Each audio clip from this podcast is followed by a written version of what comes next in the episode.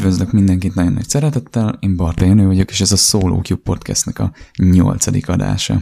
Szokásos rövid hírek itt az adás elején. Podcast ünnepélyesen átlépte a száz lejátszást. Ez, ha jól tudom, a metrikák szerint azt jelenti, hogy az összes platformon, tehát az Anchoron, a Spotify-on és ahova még publisholja az Anchor FM, a, azokban már több mint százan meghallgatták az egyes részeket, és elméletileg ez a szám nem abból keletkezik, hogy valaki elindította, hanem hogyha azt hiszem valamennyi időt meg is hallgatott belőle. Tehát elméletileg ezek releváns lejátszások, úgyhogy ez egy nagyon jó szám, ennek nagyon örülök, főleg úgy, hogy gyakorlatilag semmilyen szinten nem reklámoztam a podcastet, Értem ezt úgy, hogy nem osztottam meg csoportokban, egy-két ismerősömnek küldtem el, és mégis van néhány organikus hallgató már, valamint pont tegnap néztem a Spotify-on, hogy a podcasteknél a játék kategóriában már engem is vagyis a podcastet is kidobja a keresés, vagyis a szűrés, és ez tök jó, ennek nagyon örülök, mert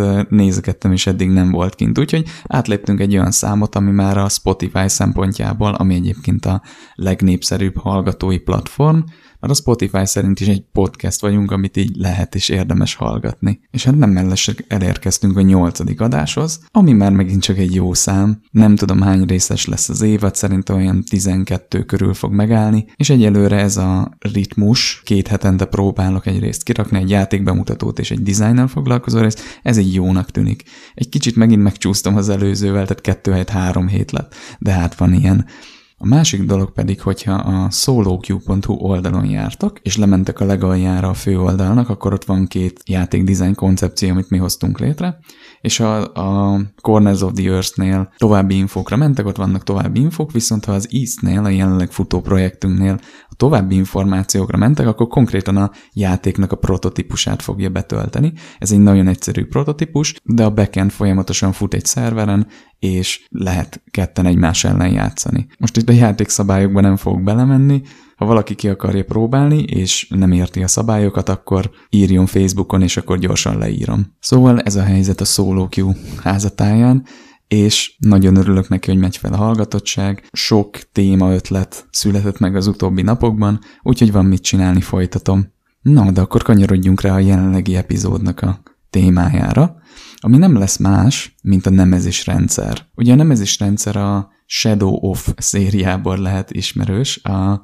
Monolithnak a Shadow of Mordor és Shadow of War játékaiból, és talán onnan is, hogy jóval a Shadow of Mordor után, és azért pár évvel a Shadow of War megjelenése után, de a Warner Brothersnek sikerült levédetnie, patentelnie ezt a technológiát, amiről majd beszélni fogunk, hogy szerintem mennyire jó dolog, vagy mennyire nem jó dolog. Viszont mielőtt magáról a design részről, tehát a nemezis rendszer részleteiről beszélnénk, egy igen nagy nosztalgia kört fogunk tenni, mégpedig azon játékok között, amik az én életemben szubjektíven egy ilyen forradalomérzést hoztak el. Na de mi is ez a forradalomérzés, vagy, vagy mire gondolok itt? Szerintem sokatoknak ismerős, főleg a korosztályomnak, vagy idősebbeknek, tehát 30, 30-as járó gamereknek, hogy főleg régen voltak olyan pillanatok, amikor megláttatok egy játékot, így a képernyőn mozgás közben, legyen ez egy kirakatban, vagy otthon a saját képernyőtökön, vagy haverotoknál, azt éreztétek, hogy itt most valami megváltozott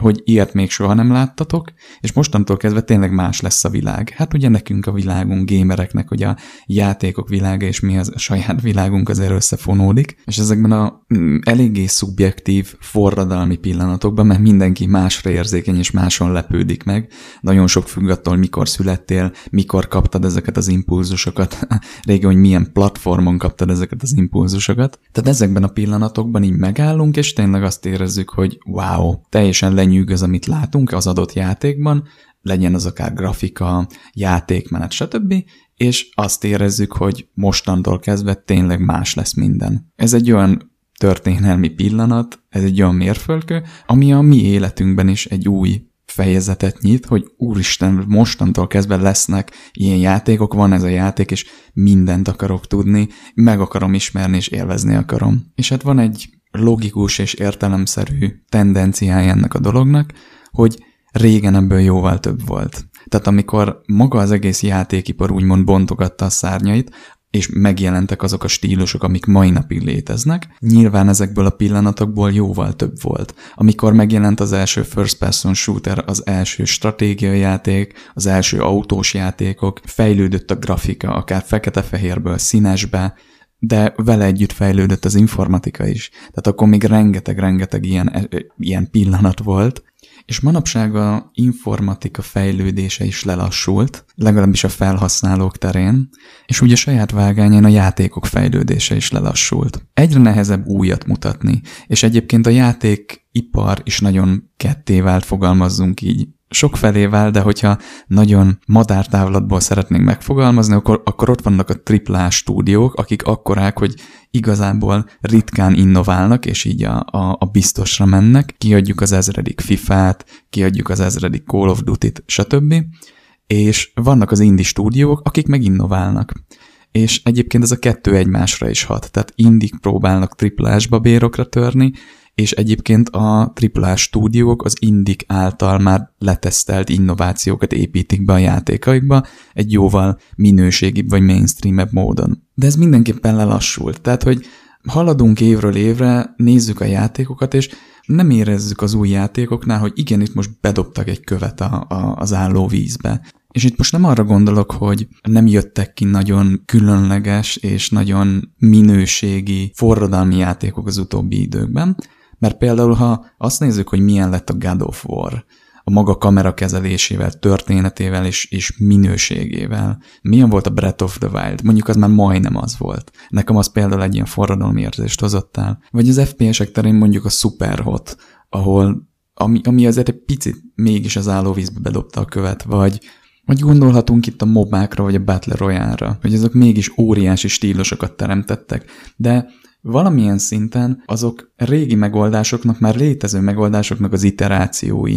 Tehát nem a fő szálon csavartak, vagy egy új stílust hoztak be, hanem igazából a fő stílusnak egy ilyen al variációját hozták létre. Ugye MOBA a stratégiai játékokból jött, a Battle Royale pedig az FPS-eknek egy más célorientált megvalósítása.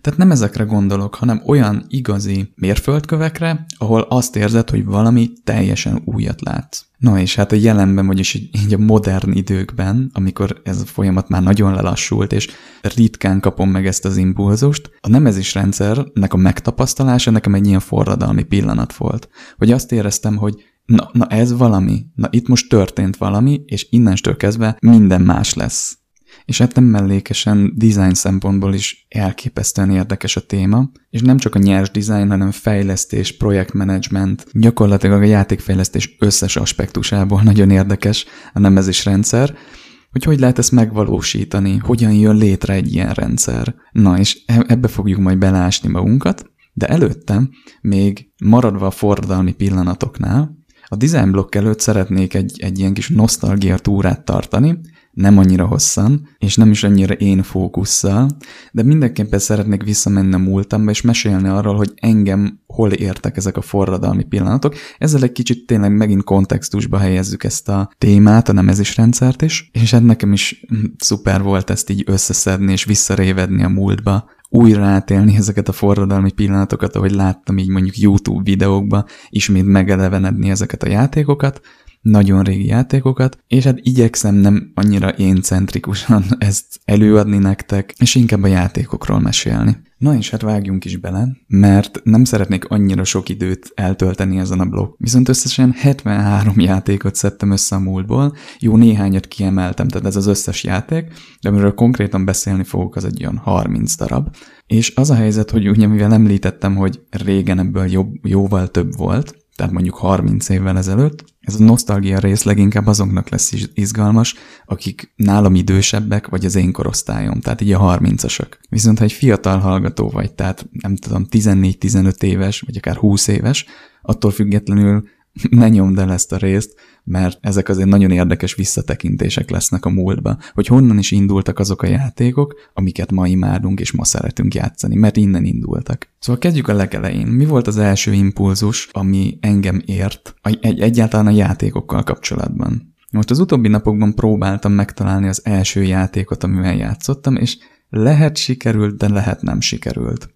A második az a Prince of Persia volt, de az első az fogalmam sincs mi volt. Megpróbálkoztam a Checkpoint Podcastnek, IDDQ blognak a Discord csatornáján, ahol van egy olyan rész, vagy egy ilyen csatorna, ahol játékot lehet keresni. Régi játékot, hogy ez mi lehetett. És a nagyszerű Gret belinkelt nekem egy oldalt, ahol 1200 Bulderdas és Digdag klón volt, és azok között csemegészhettem, hogy vajon mi lehetett az a játék, mert tudom, hogy nem a Bulderdas volt, vagy a, a, vagy a Digdag, hanem valami hasonló. Végignéztem mind az 1200 játékot, és köztük volt egy, ami nagyon, valami nagyon furcsa érzést váltott ki az agyamból, de nem ez a heuréka, de azért mégis valamit ott megpiszkált, úgyhogy egyelőre azt mondom, hogy megtaláltam, de ki tudja, lehet még majd ez megváltozhat.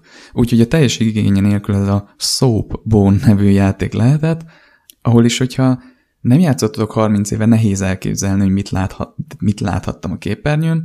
A környezet úgy nézett ki, hogy ezek a sárga, óri, hát nem óriás, de ezek a nagyon pici képernyővel ellátott, de óriási CTR monitorok voltak, szűrő volt előtte, hogy ne bassza szét a szemünket, és ott fekete-fehérben ilyen prüttyügő hangokkal megláttam egy ö, ilyen kis koponyákat, járatokat, és, és valamiféle mozgó lényt, és uh, akkor engem ez teljesen lenyűgözött, mert akkoriban ugye 30 évvel ezelőtt, vagy hát inkább 25-30 évvel ezelőtt leginkább a, a valós világban találtuk meg a szórakozást. Fociztunk, játszottunk a kutyákkal, nem tudom, BMX-eztünk, kosarazni jártunk. Viszont az, hogy szórakozást látok a képernyőn, az valami elkép... mint játékot megeleveneni digitálisan, digitálisan láttam, az egy nagyon különleges élmény volt. Valahogy a gyerekeknek egyből lejött a koncepció, hogy itt most mi történik, hogy itt digitálisan van egy játék, és ott bent a dobozban van egy világ, amit fel lehet fedezni. És nekem ez volt az első élményem a videójátékokkal, hogy valami ebben a dobozban, valami végtelen történik. Tehát, hogy ott bent képernyő határain kívül egy egész világ van, amit fel lehet fedezni, és én ezt a világot meg akarom tapasztalni. És hát nyilván jöttek azok a játékok, amik ezt elképesztő módon kibővítették, ezt az érzést elkezdték egyre jobban exponenciálisan növelni ezt az izgalmat. Itt jött szembe ugyanis velem a Prince of Persia, ami vizuálisan teljesen lenyűgözött. Érdemes megnézni, írjátok be YouTube-ra, Prince of Persia DOS, meg hát nyilván a hallgatók között sokan vannak, akik pontosan tudják, miről beszélek. Ez egy Dark Souls Before It Was Cool játék volt, egy mocskosul nehéz, egy ilyen fogalmazzunk úgy dungeon crawler oldalnézetes játék, ahol meg kellett menteni a hercegnőt, de egy nagyon szigorú time limit alatt, és nagyon nehéz platform játék elemek között. És amikor én erre ránéztem, és elkezdtem vele játszani, akkor azt éreztem, hogy itt tényleg itt ott vagyok, ez a valóság. Röhelyesnek tűnik, de akkor így éltük meg, ez volt a legjobb grafikájú játék, amit láttunk. És így mellékesen megemlítve, ami nem egy forradalmi érzés volt, de mind emlékeim élnek, hogy, hogy ott azért ezeket a játékokat nagyon szerettem és csodáltam. Ott volt például a Prehistoric, az UG Prehistoric 2, és most szeretnélek kérni titeket, hogy tekintsetek el attól, hogy ezeket most nem kronológiai sorrendben mondom. Tehát lehet, hogy ezeken a játékok között van öt év, vagy három év, vagy stb. És lehet, hogy egy jóval későbbi játékot mondok hamarabb, egy, egy régebbi játékot később, tekintsetek el a kronológiai sorrendtől, nem tudom már visszaidézni, hogy hogyan értek ezek az impulzusok. De például ott volt egy Spider-Man játék, aminek a mai napig csodálom a, a világépítését és a játék mechanikáit. Ez is egy oldalnézetes mászkálós játék volt, de fantasztikus grafikája volt és óriási világa. Na de a következő mérföldkő, így a Prince of Persia után nekem a Civilization volt. Ilyen mélységű stratégiai játékot mai napig nehéz alkotni. Tehát azért mert innováltak rajta rendesen, de a régi, az első Civilization brutális volt ilyen szempontból. A grafikája nem volt egy olyan, de nem, de nem, nem igaz, grafikailag is nagyon erős volt. Tehát ami általában a képernyőn történt, az nagyon egyszerű grafikák voltak, viszont a karakterek például gyönyörűen meg voltak rajzolva, vagy a városok. Ott nekem volt egy ilyen forradalmi érzésem, az volt szerintem az első ilyen körökre osztott stratégiai játék, amit így tapasztaltam, átéltem. És akkor még itt most random megemlítenék néhány forradalmat. F-29 retaliátor, repülős játékok, három dimenzió. Szerintem ez volt az első háromdimenziós játék, amit láttam, és telj- teljesen ledobtam az agyam az égszíjat. Tehát így, így fullasan. És ez egy repülős játék volt, és megint csak egy, egy open world repülős játék volt, nagyon-nagyon régen. Elképesztő élmény volt. Tehát tényleg ott voltam a, a pilótának az ülésében, és egy világot fedeztem fel, gépeket lőttem le, épületeket lőttem szét, teljesen el voltam halélva. Nem az első autós játék volt, de mint autós játék iszonyatosan nagyot ütött, nekem az a Stance volt, ahol életemben először kaptam lehetőséget arra, hogy pályát tervezzek, mert volt benne egy tök jó pályatervező, és egy egészen mámorító érzés volt, hogy amit teleraktál elemek a pályatervezőbe, az utána megelevenedett a játékban. És gyönyörű háromdimenziós autók voltak benne, terepjárók, ilyen gyengébb, ilyen polgári autók, fogalmazzunk így versenyautók, az akkori szememnek az egy olyan volt, mint manapság a legújabb Forza. Tehát úgy képzeljétek el, hogy akkor ezt a háromdimenziós autókat, ami álltak így 10 poligonból maximum, úgy éltük meg, mint most a E3-on a legújabb Forzának a bemutatóját. Az agyunk így teljesen leblokkolt. Most a Forzán nem blokkolt le az agyunk, mert az inger közöbünk már máshol van, de ott, ott nagyon leblokkolt. És hát ezekkel az autókkal lehetett ilyen, ilyen loopokban körbe menni, olyan kanyarokat lenyomni, ahol így teljesen így átfordult az autó, meg fú, zseniális volt. Grafikailag meg mint sportjáték nekem a Bodukán, az egy nagyon fontos mérföldkő volt, ez egy karatés játék volt, és nagyon nagy kihívás volt az a játék, imádtuk. Akkor szerintem az első RPG-szerű, vagy akció RPG játék, amivel találkoztam, az a Golden Axe volt, és hát az is, az, az egy világ volt, amit fel kellett fedezni, nagyon menő volt, ahogy kardoztál, ahogy jöttek a szörnyek, ahogy csaptad le őket,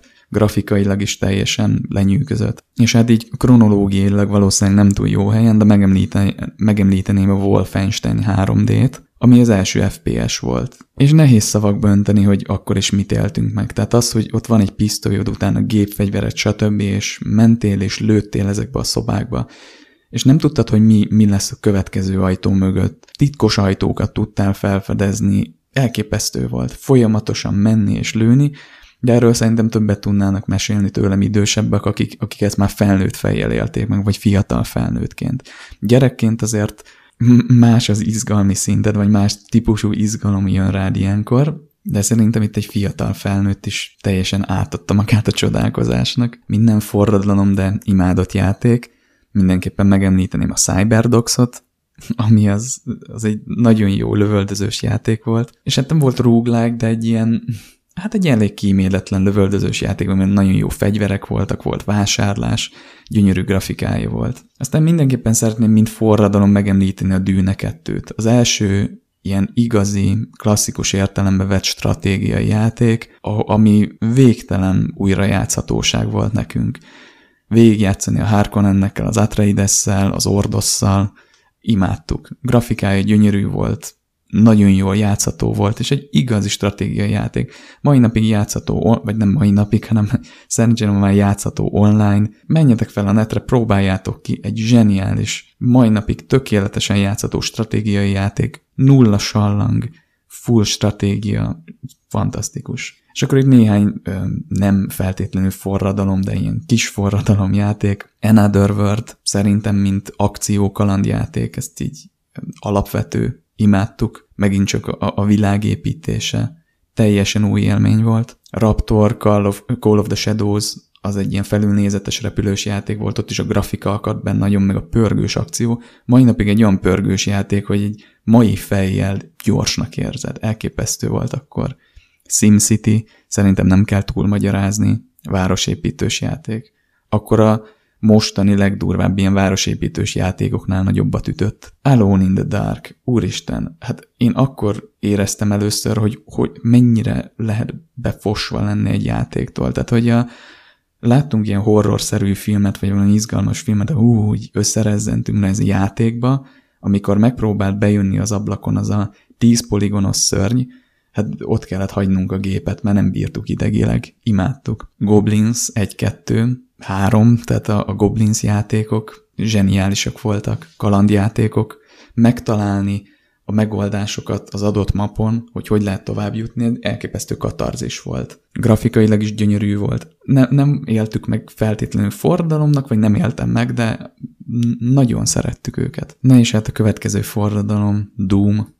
Szerintem ezt se kell régi motorosoknak magyaráznom. Ott ez a FPS stílus a Wolfensteinhez képest tehát szintet lépett egyértelműen. A szörnyek, a puskák, a az egész játék, a, a flowja egyértelmű forradalom volt, hogy e, itt lehet ilyet is csinálni. Ilyen grafikával, ilyen játékmenettel. És egy gyerekek voltunk, annyira nem voltunk prók benne, mint akik utána multiztak vele, stb., de egy, egy teljesen új élmény volt. Ugye a, a Duke nekem 3D, az is egy olyan élmény volt, ami, ami ezt megint egy, egy, egy, szintet lépett itt. Tehát ott, ott a városok, ahogy a szörnyek megjelentek, ahogy a játék flója ment, az is egy olyan lövöldözős játék volt, ami, ami megint csak egy ilyen, egy ilyen forradalmi szintlépés volt. Itt most beszúrnám egyébként, beszúrnék egy olyan játékot, ami, aminek a forradalmi mi volt, tehát nem tudnám megfogalmazni, de valami ért ott minket, ez pedig a Transport Tycoon volt. Hát nem tudom hány órát tehettünk bele, több százat imádtuk. Mai napig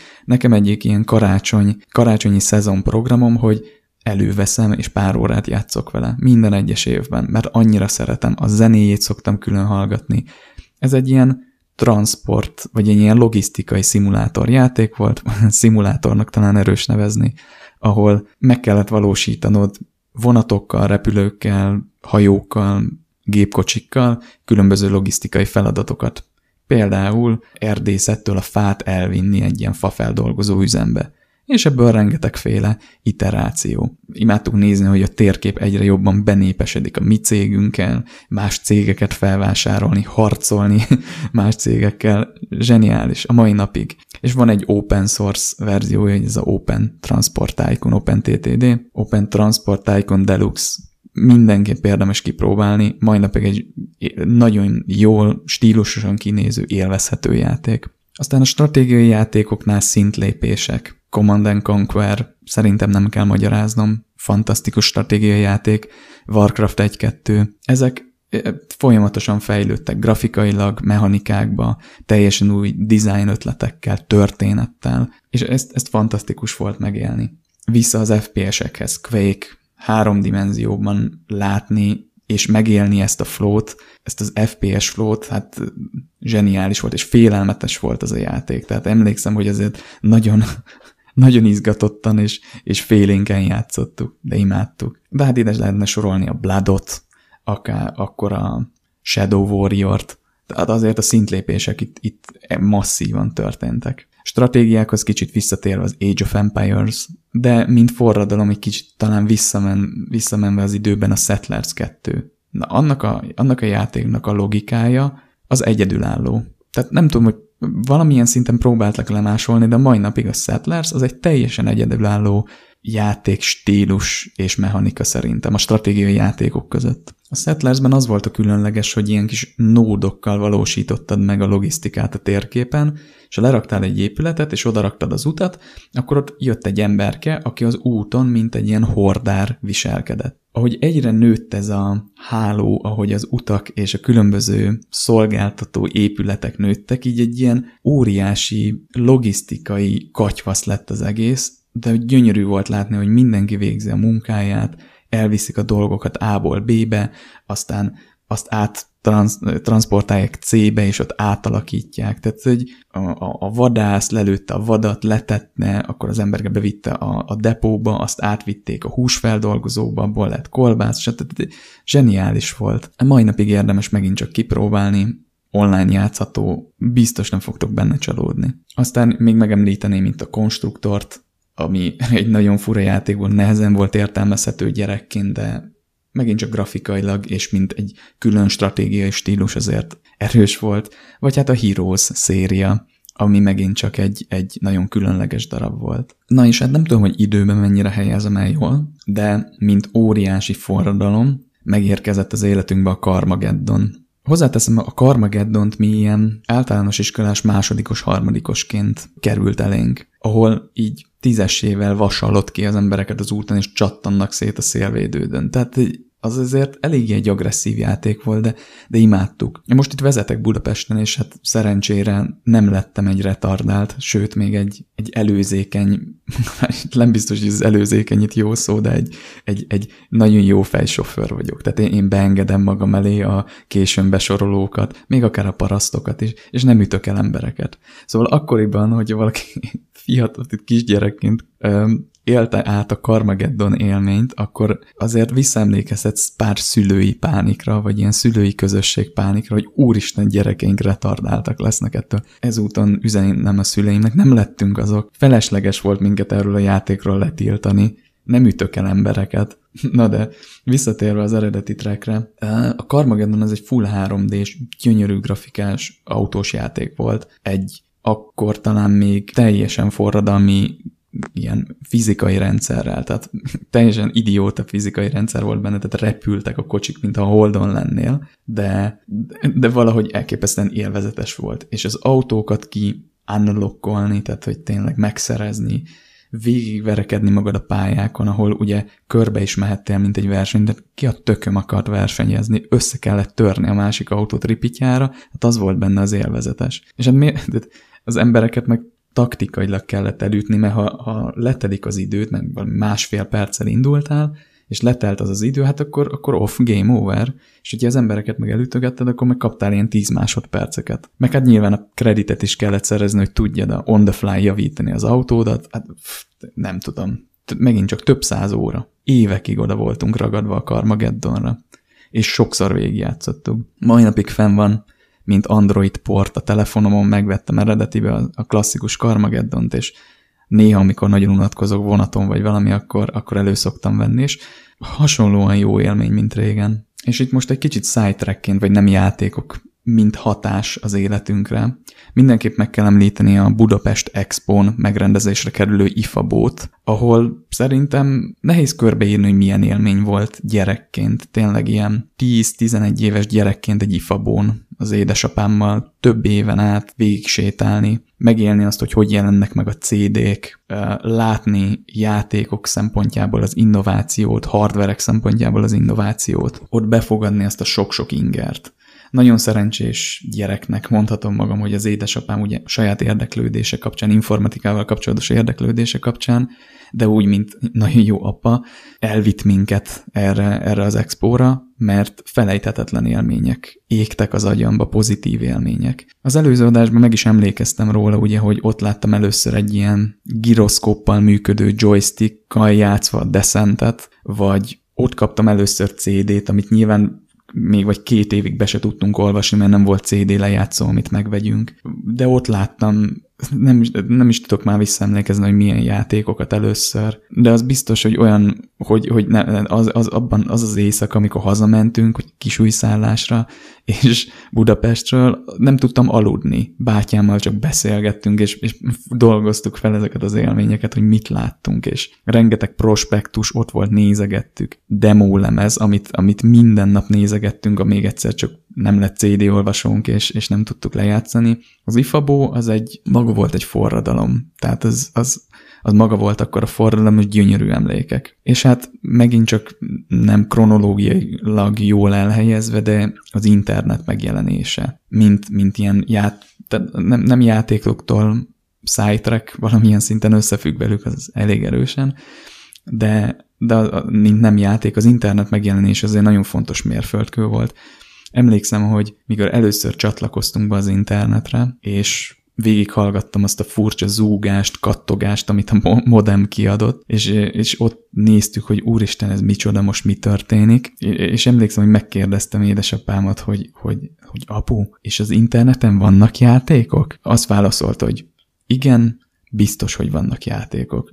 Na nekem ennyi elég volt. Akkor én, én akkor egy ilyen forradalom történt az agyamba, nem kell többet várni, a hülye haverjaimra, hogy, hogy mikor küldik a játékot, hogy mikor tudunk elmenni hozzájuk játékért, vagy ilyesmi, vagy hogy, vagy hogy amit az újságban látok, mikor szerezzük meg. Nem, az interneten vannak játékok. És ennyi. Igaz, ez nem így történt, tehát ezért az internetre egy-két évvel később kerültek fel a játékok úgy, abban a formában, ahogy én gondoltam, meg, meg különböző, már más típusú játékok speciálisan az internetre tervezett játékok, de azért az nekem egy ilyen forradalmi pillanat volt. Na de tovább lendülve. Mint forradalom, itt mindenképpen megemlíteném a Motor Racer 2-t. Szerintem, amire nekem meglett a Motor Racer 2, úgy körülbelül 200-szor láttam a trailerét, ami nekem egy ilyen nagyon rossz felbontású videó volt. Ezt, hát most megnézve a Youtube-on ezt a trailert, vagy ezt a gameplay és talán szí, fogalmazunk CGI trailernek, ami annó a Motor Racernél láttam, újra hallani ezt a zenét, hát beleborzongtam. Tehát az beleégett egy életre az agyamba az a trailer, amikor a, a játékot elkezdtem játszani, hogy így lehet motoros játékot készíteni, és lehet motorozni, az nekem egy, egy, egy for, mindenképp egy forradalom volt azzal az adott grafikával. De mint nem feltétlenül forradalom, mindenképp meg kell említeni a FIFA 98-at a híres intro zenével, ami a Blur-től a, ugye a Woohoo című szám.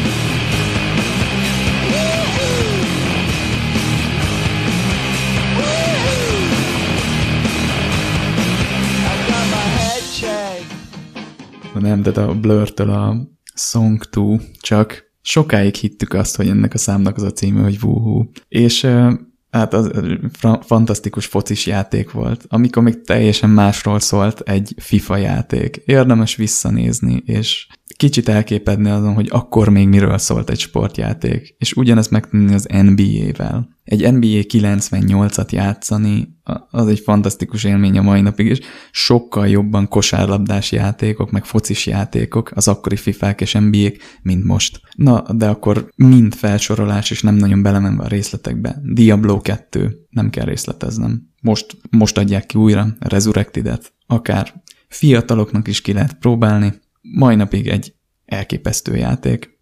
Turok egy 3D-s dínóölős FPS grafikájával és a világának a méretével teljesen agyfasz volt, imádtuk, Unreal Tournament. Talán az Unreal tournament meg a Csével, Counter-Strike-kal jött be az életünkbe a kompetitív multiplayer élmény, az én generációmnak, másoknak ez a Doom-ban jött be, vagy még korábbi játékokkal. De én emlékszem, hogy ez az igazi kompetitív lövölde egymás ellen nekem, nekem akkor a, az UT-val és a, a csével jött be, de tudnotok kell, hogy abban a korban még a hálózati játék, tehát nem hogy online játék, még a hálózati játék is ritka volt.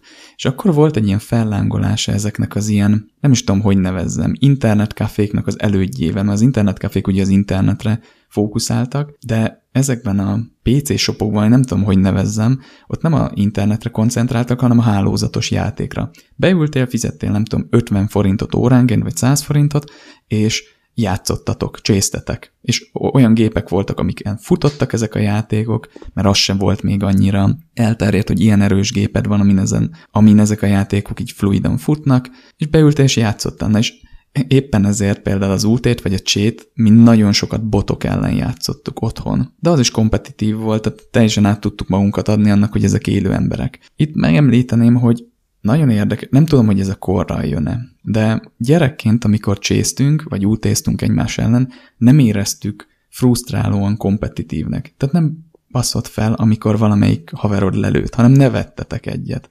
És ez most lehet tök közhelyesnek hangzik, vagy ilyen nyálasnak, vagy nem tudom, hogy fogalmazom, de nem volt kompetitív mi volt. Tehát tudtunk azon nevetni, hogy lelőtt a másik, és nem idegesnek lenni, hanem, hanem nevetni. És mondom, lehet, hogy ez a korra jön, vagy a játék ipar formálta ilyenné az embereket, de ez a ultra kompetitív mi volt a dolgoknak, ez még úgy nem létezett. Szerintem egyébként mind a kettő, inkább a kor is, tehát, hogy gyerekként nem erre koncentráltunk, hogy egymást agyon nyomjuk, hanem, hanem magára a játékra, de amúgy szerintem a játékipar is azért rendesen elmozdult ebbe ultra kompetitív irányba. De, de vissza az eredeti trackre. Commandos, brutál nehéz uh, takti, tehát ilyen, ilyen real-time kommandós játék, elképesztő volt, grafikailag is, játékmenetben is. Mint forradalom grafikailag és játékmenetben emlékszem, hogy nekünk a Project IGI az nagyon beütött, mint FPS. Gyönyörű volt a grafikája, és olyan dolgokat lehetett benne, hogy így kivágod a kerítést, meg, meg nem is tudom, tehát ilyen, ilyen nagyon kommandós volt. És, és akkor emlékszem, hogy ezt ilyen forradalomként éltük meg, hogy mennyi lehetőség van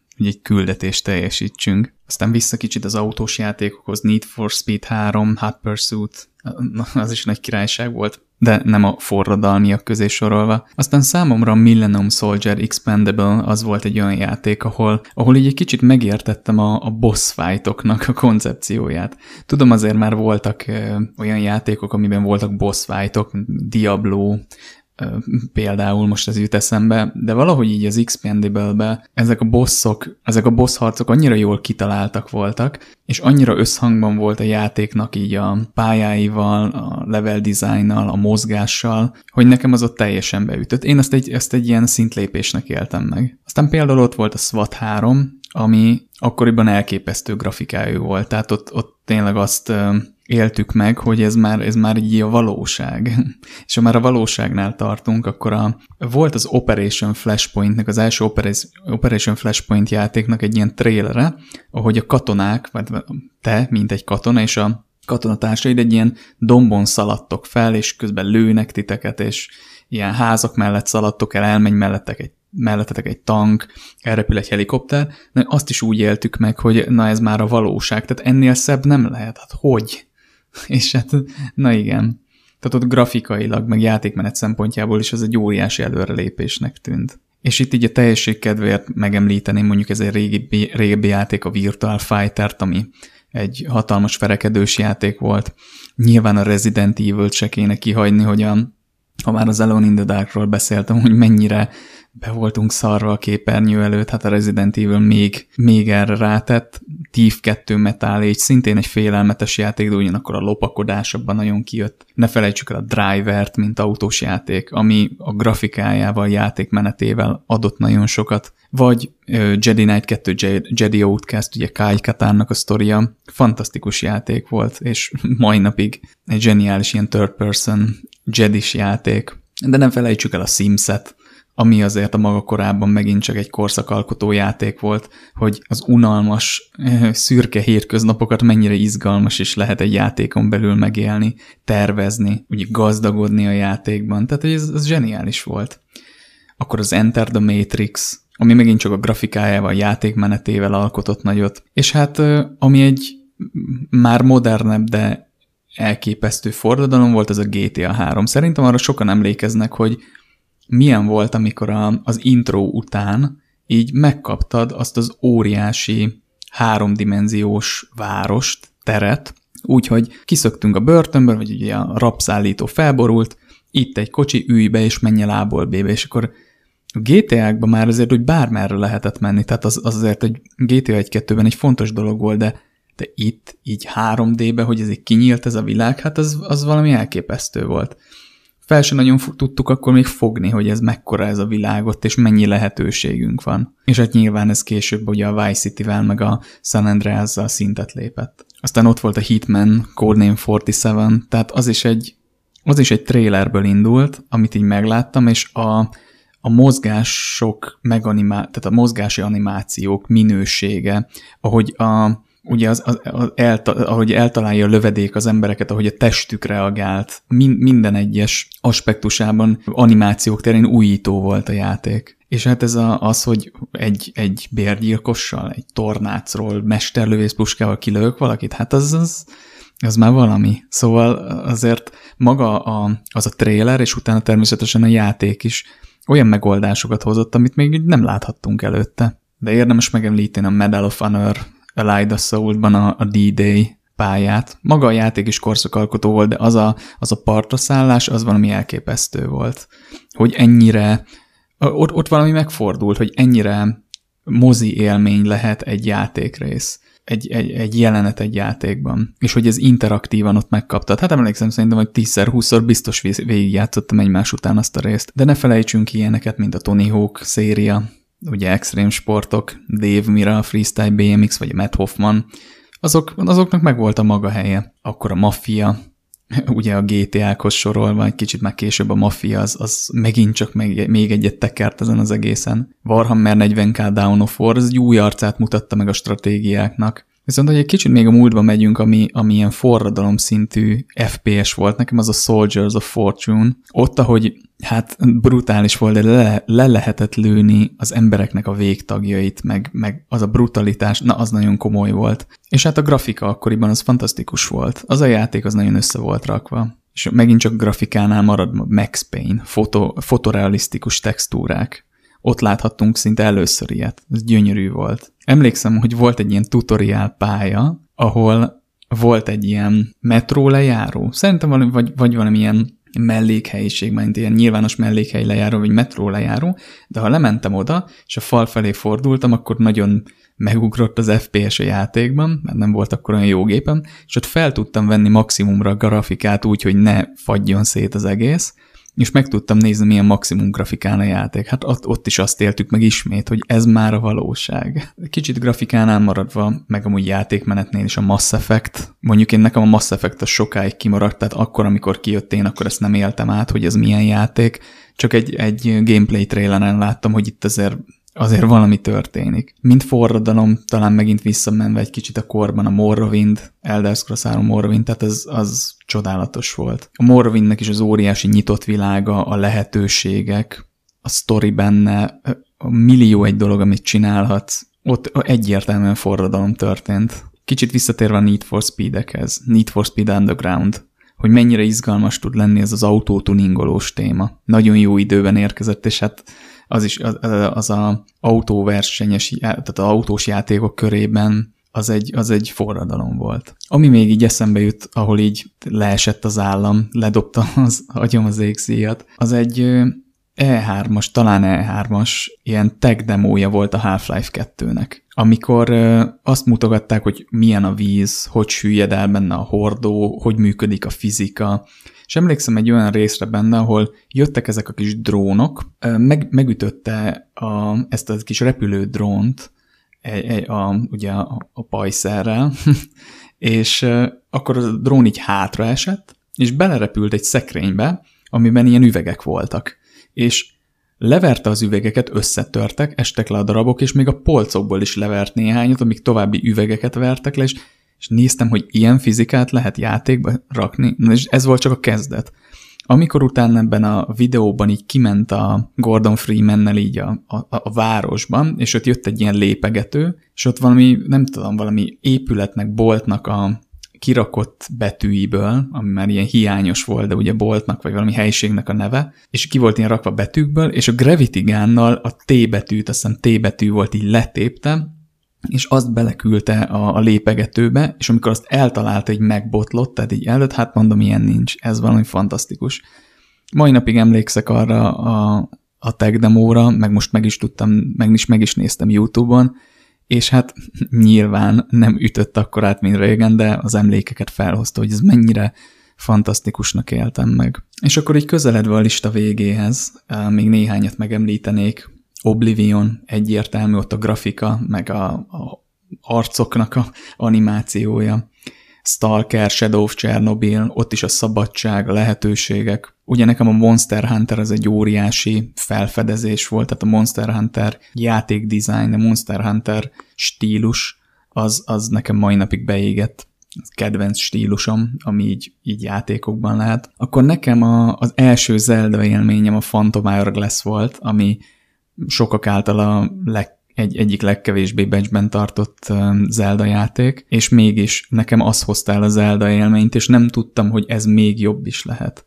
Tehát amikor egy ilyen kis apró kütyüvel, ami egy 3D, vagy nem 3D-es, hanem DSi, Nintendo DSi, 40-50 órát eljátszol, és imádod, én nem tudtam, hogy ez még jobb lehet, aztán ugye, ugye több Zeldát is kipróbáltam, és rájöttem, hogy ez még sokkal jobb is lehet. Mm, aztán emlékszem, amikor először láttam a Devil May Cry 4-et, egy demót, hogy hogy megy benne a harc. És nekem ugye ezek a konzolos, konzolos stílusú játékok, harcok, ami például a God of War-ban van, vagy ugye a Devil May Cry-ba, ez nekem nem volt ismerős, én nem tudtam, hogy lehet ilyet. Úgyhogy nekem az újdonság volt, az ott én ott fordalomként éltem meg, hogy ilyen brutális boss harcokat lehet csinálni, és így repkedni, és csapkodni, lövöldözni, az nekem itt teljesen új volt. Aztán ott van a Fallout 3, a Fallout szériából, ahogy ez így kinyílt, megint 3D-s lett, mint a GTA-ban, de elképesztő. Az Assassin's Creed-et csak azért szeretném megemlíteni, mert hogy a Assassin's Creed 2 az annyira jó játék volt a Brotherhood-dal, meg a Revelations-el, hogy így ha nem is forradalom volt, de az, az, egy, az egy így belém égett, hogy minden egyes percét élveztem annak a játéknak, és minden egyes perc, amit eltöltöttem abban a világban, az megérte.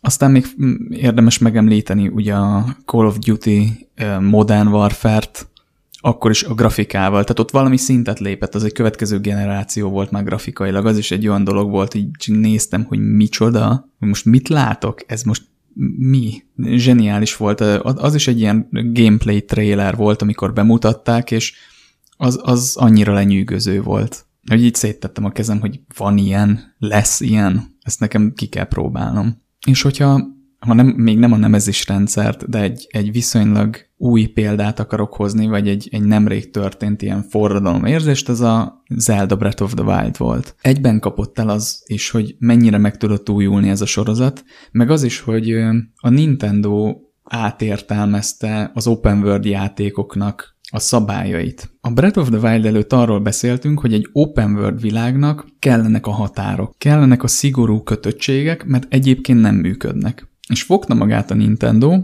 és az egyik leghíresebb brandjükkel csinált egy olyan open world játékot, ahol alaprendszerek működtek együtt, időjárás, ugye random események, ahogy vezetik a, a fém az elektromosságot, tehát fizika, gravitáció, hőmérséklet, tehát és ezek teljesen fluid módon működtek együtt, és végig kellett menned egy sztorin, viszont az, hogy ezt hogy csináltad, hogyan valósítottad meg, az mindenkinek egy egyedi történet volt lényegében, mert az teljesen eltérő volt, hogy egy adott játékos hogy használta ezt a keretrendszert. Szóval ez megint csak egy forradalom volt, mint mondjuk a open world játékoknál a Witcher 3, ahol meg mondjuk a sztorinak a, az egymásra épülése, ahogy a különböző elemek hatottak egymásra a narratívában, a történetben, az volt fantasztikus. Itt a Zeldában pedig a, a, a nyersebb játékmenetbeli elemek összhangja volt az, ami, ami egyszerűen szintet lépett, és ezzel egy forradalmat csinált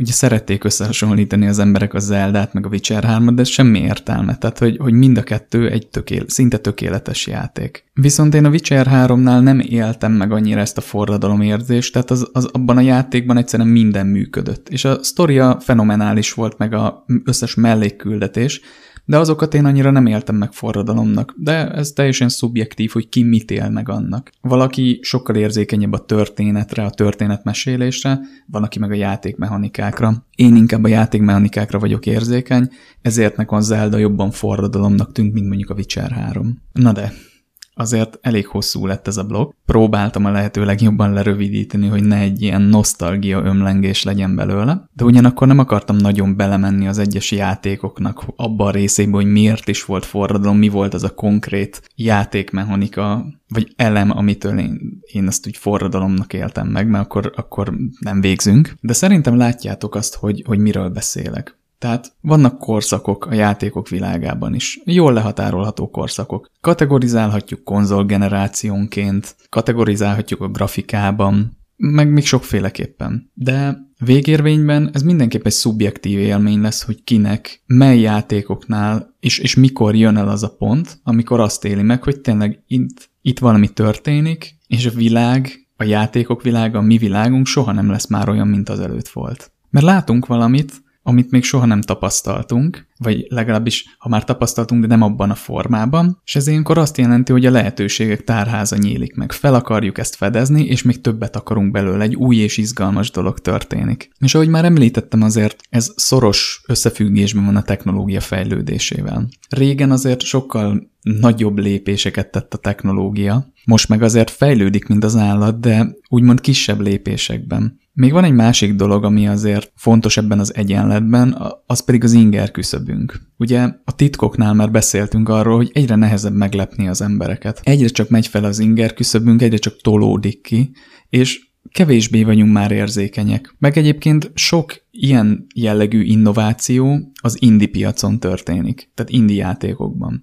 És sokakhoz az indi játékok nem is jutnak el. Nagyon sokan a triplás címekre vannak rákoncentrálva, vagy éppen a, a most jelenleg futó multiplayer címekre, dotáznak, Fortnite-oznak, cséznek, warzone és talán nincs is igényük arra, hogy ezeket a forradalmakat megéljék, de aki érzékeny ezekre, megélt már pár ilyet, és keresi őket, még néha azok sem találkoznak ezekkel, mert van egy konzoljuk, és mondjuk arra bizonyos indi címek nem jutnak el. Na de ez lelassult, kevesebb ilyen van, nehezebb őket megtalálni, és egyébként az inger küszöbünk is már azért eléggé ki van tolódva.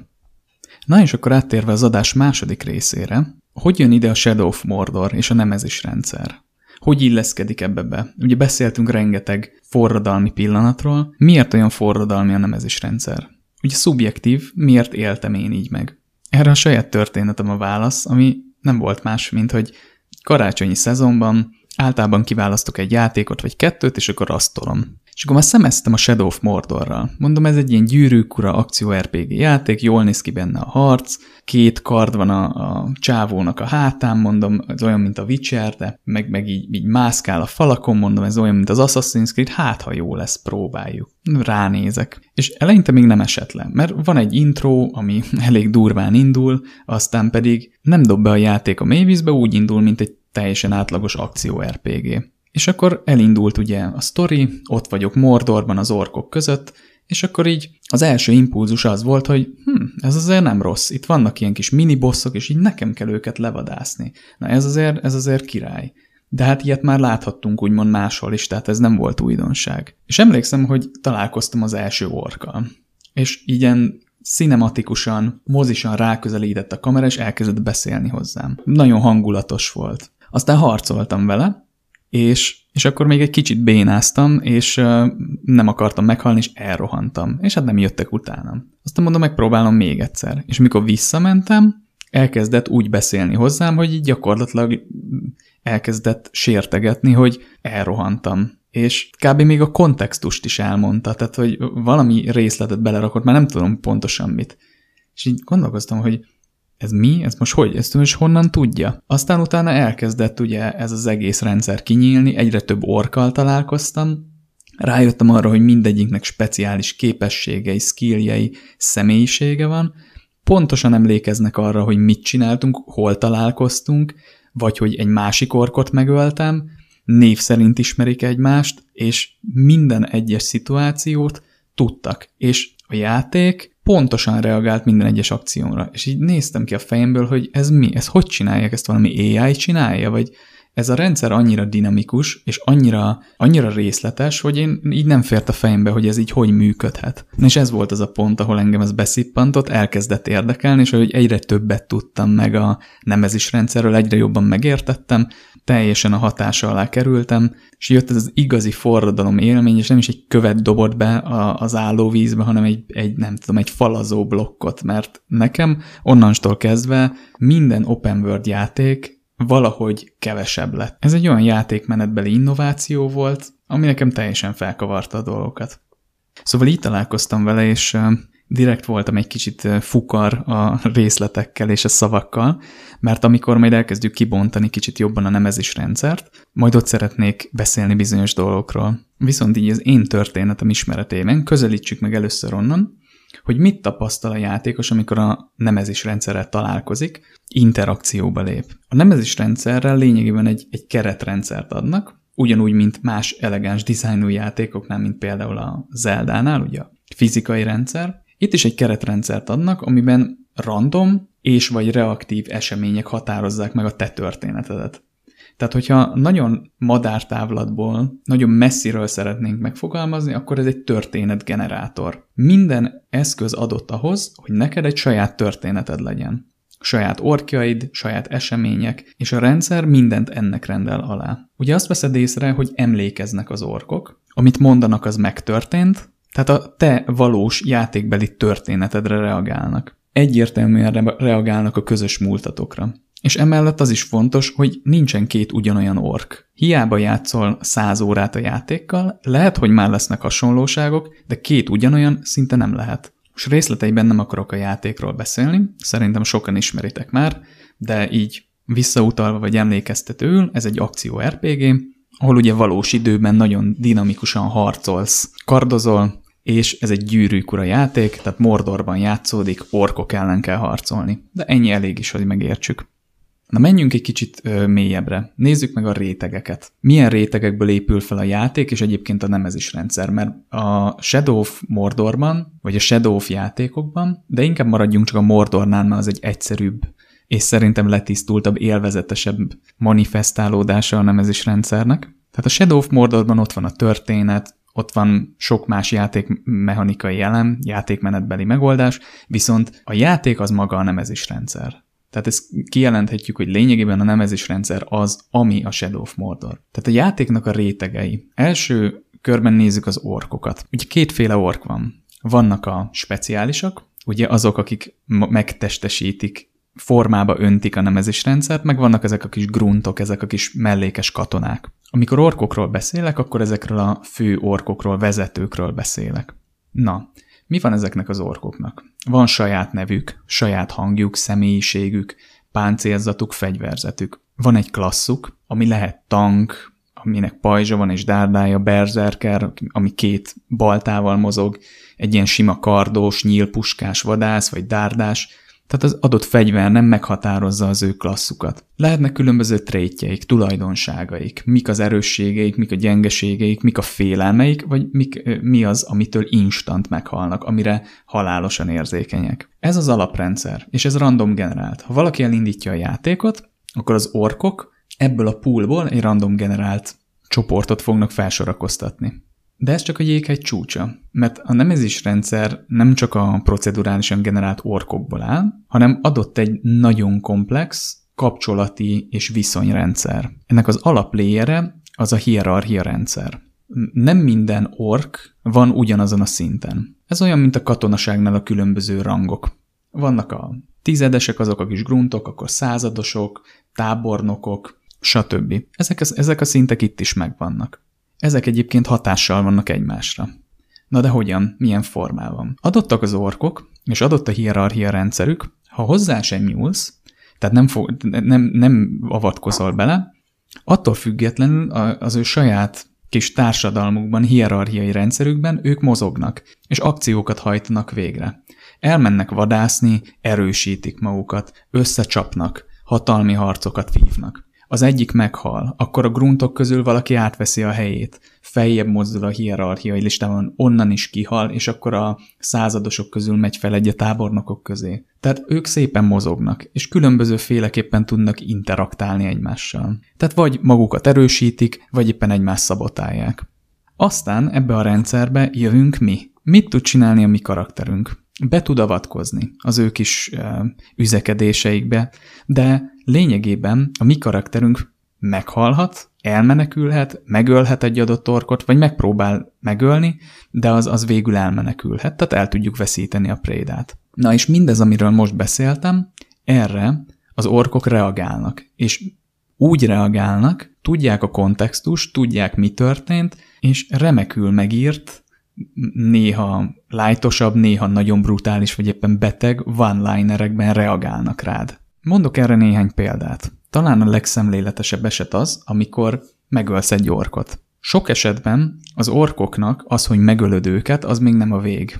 Mert előfordulhat, hogy mondjuk úgy ölöd meg őket, hogy a játék szerint ugye kivégezted őket, tehát bejátsz azt a lassított animációt, hogy ő most ez az ork meghalt, viszont mondjuk úgy hal meg, hogy mondjuk felgyújtottad, és az égéstől meghal. Előfordulhat az, hogy az adott ork visszajön egy úgynevezett cheated death akcióval, ami azt jelenti, hogy túljárt úgymond a halál leszén, nem halt meg, viszont amikor visszatér, és egy teljesen random helyen vagy harcban éppen megzavar téged, akkor úgy fog reagálni rád, hogy felgyújtottál, megégettél, de nem tudom, újra húzták a bőröm, valami nagyon beteg dolgot mond, és most itt vagyok, és ki foglak nyírni téged.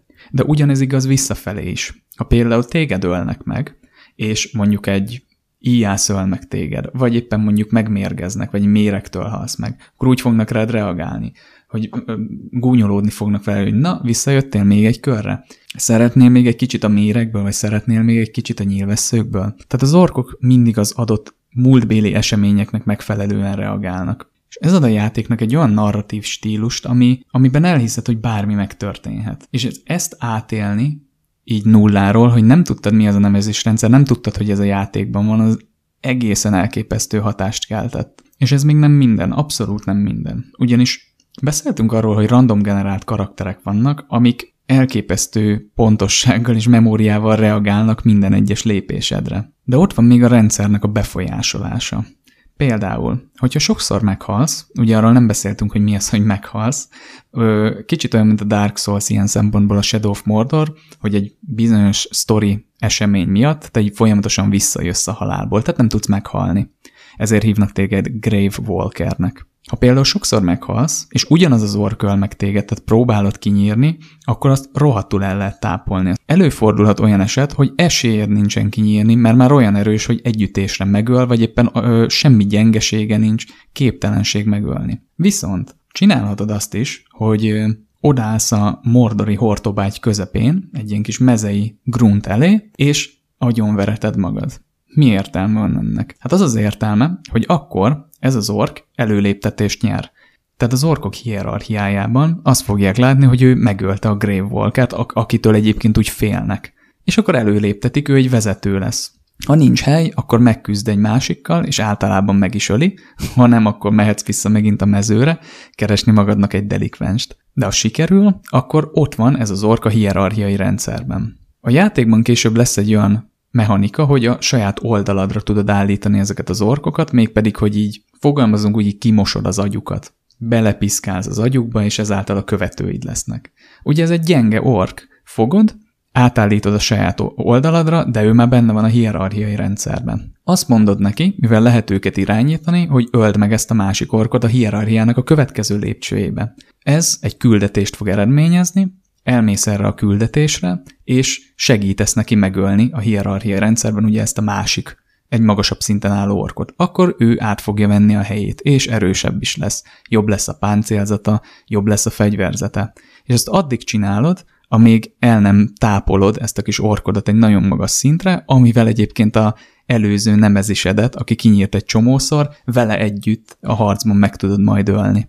Tehát gyakorlatilag tudsz egy saját hadsereget szervezni. És ez fantasztikus. Tehát, hogy itt is a randomitás, amikor azt a kis gruntot úgymond, amivel így megöleted magad, hogy milyen fegyverzete lesz, milyen tulajdonságai lesznek, az, az zseniális. Saját személyisége lesz, saját szövegei lesznek. És egyébként nagyon lehet is kötődni ezekhez a karakterekhez, főleg, hogyha már úgy átállítottad a saját oldaladra. Na, ez az egész egyébként szintet lépett a Shadow of War-ban. Szerintem a Shadow of Mordorban ez a rendszer letisztultabb, tehát kevesebb, kevesebb a zavaró tényező, jobb megtapasztalni a Shadow of Mordorban, viszont az tény, hogy a Shadow of War-ban a következő rétben ez jó, jóval komplexebb. Egy több száz mélységgel lemélyítették a játékot a, a monolitnál, ami elképesztő. És ebből csak néhány példa. Veled tarthatnak, de el is árulhatnak az orkok. Ha magad oldalára állítod őket, megmarad most már a személyiségük. Nem egy ilyen agymosott zombik lesznek, fogalmazzunk úgy, hanem gyakorlatilag beláttatod velük, hogy te vagy a követendő példa, és ők saját úgymond önszántukból, nyilván egy kis mágiával való noszogatással fűszerezve, de, de ők döntenek úgy, hogy követnek téged. Megmenthetnek téged. Lehetnek kémek, elkaphatják őket, mint kémek. Lehetnek testvérek, lehetnek riválisok. Tehát ebbe a viszonyrendszerbe rengeteg új elemet építettek be. És ugye a Shadow War-ban ott vannak a, a várak, erődítmények, amiket el kell foglalnod a különböző területeken, és ott vannak, már csak nem csak orkok vannak, hanem ologok, amik ugye nem ilyen barlangi trollok, de nagyobb orkok, különböző törzsekbe szerveződnek az orkok, amiből rengeteg fél van, befolyásolja a tulajdonságaikat. Ugye az orkok most már fegyvereket is droppolnak, szóval rengeteg-rengeteg réteget még ráraktak a játékra, és um, tényleg úgy tartom, hogy ha valaki a nemezis rendszert akarja egy kipróbálni és megtapasztalni, akkor ne a Shadow War-ral kezdjen, mert az túl komplex.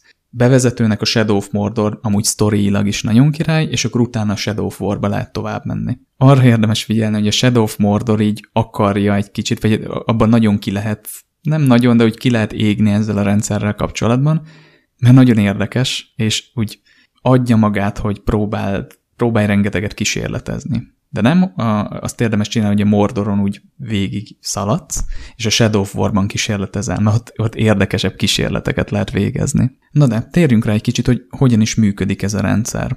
Tehát hogy működik a nemezis rendszer. Ugye erről beszéltünk nagyjából, de ezek inkább különböző rétegek voltak, de most menjünk át egy kicsit a, a működésére. Bármennyire is izgalmas a gondolat, ez nem egy AI rendszer, tehát ez nem egy AI, hanem ez egy teljes mértékben skriptelt rendszer, de olyan komplexitással van felépítve, ami által dinamikusnak hat. Ugye beszéltünk a, a procedurálisan, tehát random generált ellenfelekről, az orkokról. A játék az orkokat különböző táblákból generálja. Ugye erről, ezekről már beszéltünk. Van ez az arhetipus, ugye a klassz, akkor vannak a küllem, hogy milyen fegyvere, ruhája, páncélja legyen. Van a fegyverzetnek is perkje, hogy például mérgező legyen, átkozott legyen ez a cursed, vagy, vagy éppen lángoljon. Vannak erősségeik, vannak dolgok, amiktől berágnak, mert van ilyen is. Vannak olyanok, amivel meg lehet őket zavarni, például amitől elkábulnak, vannak félelmeik, amitől tényleg elkezdenek menekülni, és vannak a végzetes gyengeségek. Például azokat az orkokat, amik végzetesen érzékenyek a, a stealthre, tehát a, a hátba döfésre fogalmazzunk így, na azokat például egész egyszerűen ki lehet nyírni. És hát ugye ott van a személyiség, mert sokféle személyisége lehet az orkoknak. Vannak egészen lájtosok, akik dalolásznak, meg vannak olyanok, akik így kb. ilyen szexuális aberrációkkal jönnek felét, hogy majd mit csinálnak a holtesteddel. Na, és hát ebből születnek a random generált orkok. Tehát első körben mindig van egy szép nagy táblasor, amiből összeválogat a játék neked random generált orkokat, és ezekkel feltölti a hierarchiai rendszert. Ugye az adott hierarchiai ö, lépcsőfokokon, létrában adott, hogy a legalsó szintnek, meg a legfelső szintnek, és ebbe köz, ezek között ugye egy széles spektrumon mennyi erőssége, gyengesége lehet egy orknak. Tehát nyilván akik fentebb vannak, kevesebb gyengeségük van, jóval erősebb a fegyverzetük, több az életük, stb. Nagyon sok tulajdonság van, amit mérlegelnie kell itt a játéknak. És ugye úgy fogalmaztunk, hogy ez egy skriptelt dinamikus rendszer. Azért mondom dinamikusnak, mert ami skriptelt, az általában statikus. De itt a skriptelés maga a kódolás valósítja meg a dinamikus mi voltát a rendszernek, ugyanis maga a nemezis rendszer, ez a, ez a script együttes, ezek az orkoknak ezen tulajdonságait, amit az előbb felsoroltunk, változtatja a játékos akcióinak megfelelően. Itt jönnek képbe a vizsgálati pontok. A nemezis rendszer rengeteg helyen logolja a történéseket. Például ugye, amiről beszéltünk, égés. Elkezdi égni egy ork, pipa az égésre, aztán ha meghal az ork, pipa. Dob egy kockát, egy random generált számot, és hogyha az a, az a, ugye az a szám nagyobb vagy alacsonyabb lesz valami, de akkor ez az ork vissza fog térni a halálból, ha nem, akkor meghalt, annyi volt neki. És akkor egy teljesen más algoritmus indul el, hogy ki fogja átvenni a helyét. De hogyha visszajön, akkor ugye a tulajdonságai közé bekerülhet, hogy például fél a tűztől, mert már össze van égve a teste, megváltoztatja a küllemét, megváltoztatja a személyiségét, és ezáltal ugye a személyiség által a dialógia is megváltoznak. Vagy például a harcban te halsz meg a mérektől. És ugye akkor az adott orknak ugye a, így a vizsgálati pontokon belül egyértelművé válik, hogy te meghaltál, pipa, mérektől pipa, akkor rakjuk, vegyük elő a szövegtáblájából azt a szöveget, ami arra reagál, hogy a játékos meghalt mérektől. Ezek a változások az orkokban nem feltétlenül csak interakció, interakciókból származhatnak. Tehát nem csak rád vonatkoznak a vizsgálati pontok. Tehát ezek lehetnek közvetettek is. Például egy ork arra reagál, hogy megöltél egy másik orkot. És azt, azt fogja mondani ekkor, ugye a személyiség vagy szövegtáblájából, hogy velem nem lesz ilyen könnyű dolgod. Vagy hogyha például egy olyan orkot öltél meg, akinek vértestvére volt egy másik, akkor ő azt fogja reagálni, hogy na most aztán elintézlek, mert megölted a tesómat. Na és összegezve eddig arról beszéltünk, hogy vannak a random generált orkok, rengeteg tulajdonság szerint, és a nemezis rendszer az a scriptel dinamikus rendszer, ami változtatja az orkok tulajdonságait annak megfelelően, hogy mit csinálsz a játékban. És mindezt vizsgálati pontokkal valósítja meg, megfelelteti egymásnak a vizsgálati pontok eredményeit, és az szerint logikusan változtatja az orkoknak a tulajdonságait. Na, de eddig ez csak egy keretrendszer, ami izgalmas, de hát mi értelme neked ugye bemenni Mordorba és szórakozni ezzel a rendszerrel, és ugye ide kellenek a célok.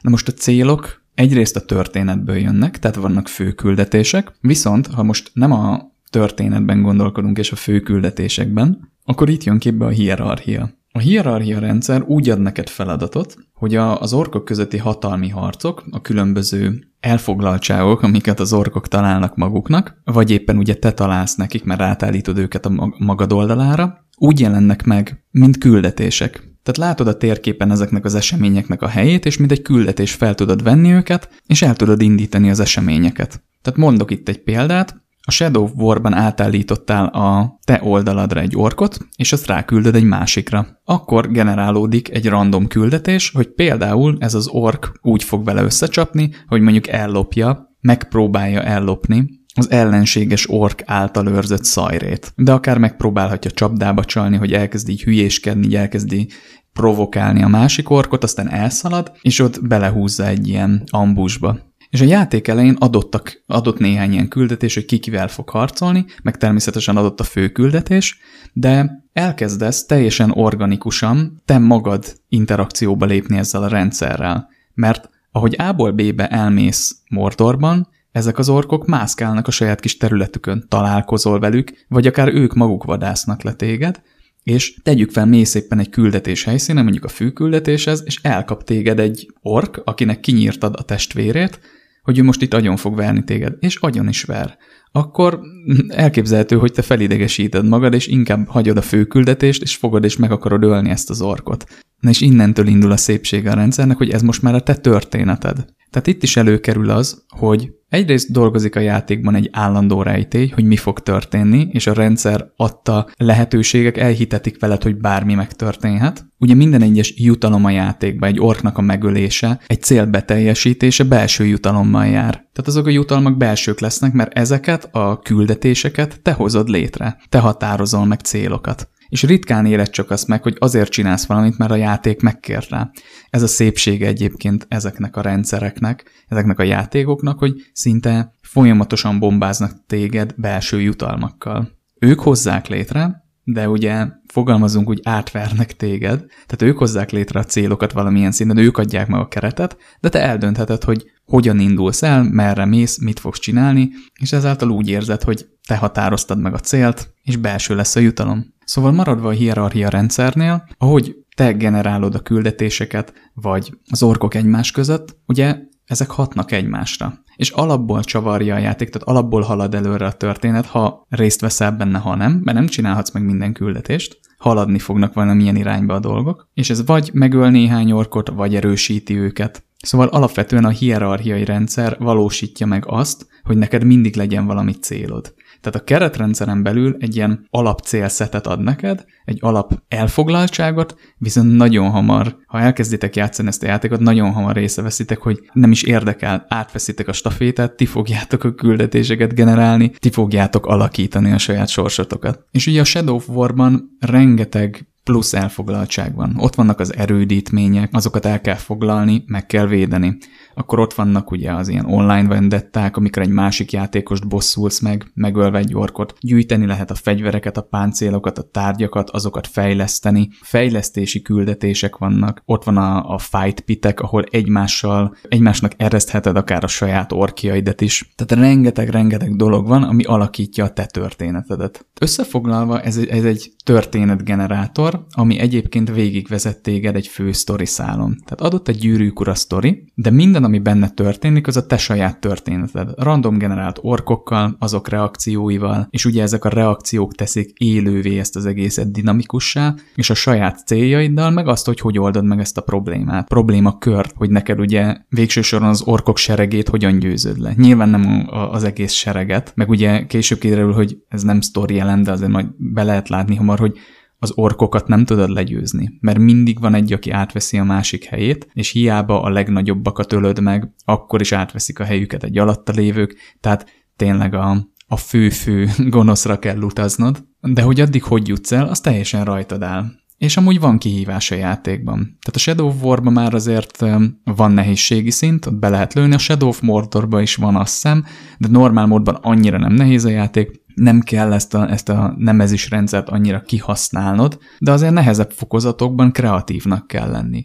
Hogy hol fogod el az orkokat, hogyan, nézni kell, hogy miben erősek, miben gyengék, és annak megfelelően kell őket beállítani a kis seregedbe, vagy éppen manipulálni a hierarchiájukat, hogy el tudj jutni a következő célodig. Szóval egy történetgenerátor, ami végigvezet téged egy gyűrűk ura sztorin, és a történetgenerálás az a nemezis rendszeren keresztül valósul meg, mégpedig úgy, hogy adott sok-sok random generált miniboss, és hát boss is, mert azért a durvább borkok bosszok. Adott ugye a scriptel dinamikus rendszer, ami maga a nemezis rendszer, amely vizsgálati pontok alapján változtatja az orkoknak a tulajdonságait, reakcióit, és mindez alatt dolgozik a hierarchia rendszer, ami egyébként megadja a kereteit, a határait ennek a rendszernek, és amelyben te magad tudsz célokat kitűzni.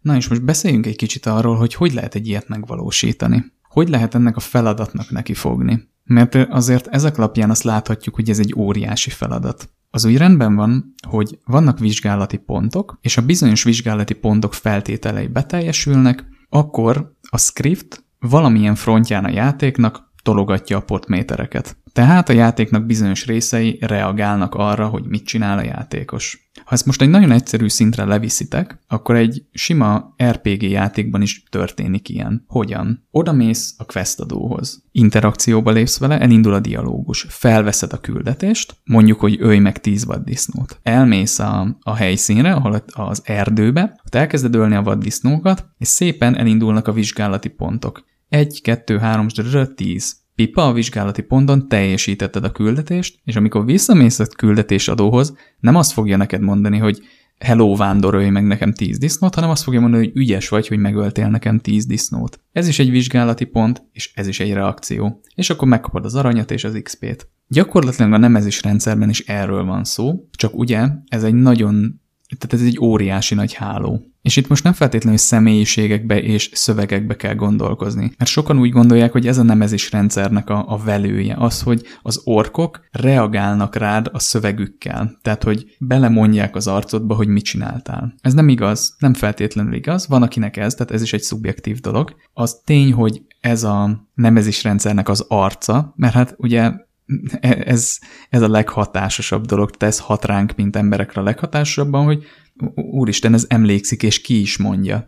Az kevésbé hat ránk, hogy megégettem az orkot, és amikor visszajött, akkor izé fél utána a tűztől. Mert nem olyan egyértelmű, az ott van bent a tulajdonsága között. Sőt, még az sem, hogy össze van égve a bőre. Azt lehet, hogy észreveszünk. De amikor azt mondja nekünk, hogy, hogy hát szépen összeégettél, na az már valami. De nem feltétlenül ez, mert ha megnézitek, itt is egy csomó dolog változott. A skinje az orknak, a tulajdonsága és a többi. Tehát a nemezis rendszert nem kell feltétlenül ennyire komplexen értelmezni. Úgy is lehet mondjuk egy ilyen ö, scriptel dinamikus rendszert értelmezni, hogyha felvesszük a 10 vaddisznós küldetést, akkor mondjuk tegyük fel három helyen vannak vaddisznók az erdőben, mondjuk valami tónál, meg jó, most mondjuk azt egy sivatagos részen. És ha elmész a tóhoz, akkor ott, ott bekattanhat egy vizsgálati pont, hogy itt tölted meg a disznókat, és mikor visszamész a küldetésadóhoz, ő mondhatja neked, hogy milyen volt a tónak a vize. Belementél, nem mentél? Csak most mondok egy példát. Tehát az a lényeg, hogy ágaztatni kell, és vizsgálati pontokat telepíteni, és annak megfelelően változtatni a játéknak egy aspektusát. Viszont hol mondjuk meg, hogy hol van a határ? Tehát hogy tudnánk megbecsülni azt, hogy mekkora munka az, hogy ilyen óriási számosságú táblákat, mint amik a Shadow of Mordorban, meg a Shadow of Warban, pláne a Shadow of Warban vannak, azokat dinamikusan változtatjuk, rengeteg-rengeteg vizsgálati pont által, és még ezeknek megfelelően vegyünk fel több ezer szöveget per ork, hogy a különböző vizsgálati pontokra megfelelően tudjanak reagálni. Na erre az a válasz, hogy arra, hogy ők sem így kezdték. Tehát nem úgy kezdesz egy nemezis rendszert megvalósítani, vagy egy ilyen rendszert, hogy mindent próbálsz mindennel kombinálni, mert az, az nem fog menni. De mielőtt ebbe belemenjünk, nézzünk meg egy fogalmat, ami adhat egy kis hátteret, kontextust, és ez nem más, mint az információs architektúra. Pont a napokban az egyik kolléganom tartott egy előadást az információs architektúráról, és egyből inspirált is arra, hogy itt beszéljek róla, mivel maga az információs architektúrának a gyakorlata nagyon jó alapot adhat egy ilyen rendszernek a tervezéséhez. Az információs architektúra annak a művészete, hogy hogyan rendezünk, struktúrálunk, címkézünk jelentős mennyiségű adatot és információt, tartalmat, logikus, érthető és kereshető legyen. Tehát az a célja, hogy segítse a felhasználókat, hogy megtaláljanak adott információkat, vagy éppen elérjenek célokat. Ha példát szeretnénk erre nézni, akkor nem tudom, találkoztatok-e életetek során olyannal, lehet, hogy egy kicsit réteg példa lesz, de annó, erről már lehet beszélni, mert 20 éve volt körülbelül, vagy még több, jártak körbe embereknél, középiskolai kollégiumokba, általános iskolákba, főiskolán, itt ott, ott, ilyen böhöm nagy listák, amikről zenét, filmet, vagy éppen játékokat választhattál ki, kiválasztottad, kifizettél 1000, 1500, 2000 forintot, attól függően, hogy mennyi kontentet akartál megszerezni, és akkor jött egy srác, és hozott egy CD-t, amin ezek rajta voltak. Na most, ezek, most ne, ne erre koncentráljunk, mind arra, hogy, hogy ilyenkor mi történt, hanem inkább arra koncentráljunk, hogy a listára. Az a lista, az egy körülbelül száz oldalas, büdös nagy nehéz füzet volt, és információs architektúra szempontból ez nem egy optimális dolog. Mivel, ha szerencséd volt, akkor ABC sorrendben volt rendezve. De ha nem, akkor mind a száz oldalt ilyen nyolcas betű mérete végig kellett olvasnod, hogy éppen érdekel -e onnan valami. Na most azért mondom, hogy nem optimális, mert ezen a listán nem volt olyan egyszerű keresni. És ugye erről van szó, adatok, content, és ugye a kereshetőség. Na most, ha információs architektúráról beszélünk, akkor ha ezt mondjuk egy weboldalon tároltuk volna, akkor lehetett volna őket kategorizálni. Például játék, film, zene, és mondjuk különböző filtereket adhatunk, hogy sorba rendezzük őket. De a zenéket például műfaj szerint lehet osztani, játékokat is, meg amúgy a filmeket is romantikus horror, akció, FPS, stratégia, stb. És ha te például egy adott játékot keresel, például a Shadow of Mordor, akkor rá tudsz bökni, hogy játék, rá tudsz bökni, hogy RPG, és akkor rendezed csökkenő vagy növekvő sorrendbe betű szerint, és szépen megtalálod, vagy éppen bepögyögöd a search bárba, hogy Shadow of Mordor. És ugye a felhasználóknak az volt a célja, hogy megtalálják és megrendeljék az adott terméket, és ennek a, ezt lehetett volna bizonyos eszközökkel azért segíteni. Oké, okay, papír alapú volt a kommunikáció, de akár lehetett volna három füzet elkülönítve ABC sorrend, stb. De ha egy praktikusabb mai példát akarunk megnézni, akkor ott vannak például a webshopok. Nézzünk meg egy ipont például, ahol rengeteg-rengeteg hardware van. Ha csak, csak a mobiltelefonokat nézzük, egy smartphone-nak rengeteg adata van. Tehát az, hogy milyen a képernyő felbontása, milyen a processzora, mennyibe kerül, van, tárolsz ról, vagy öt képet, stb. stb. Te, ugye akkor ezt terítsük ki az összes smartphone-ra, és akkor most nézzük meg az összes hardware-re.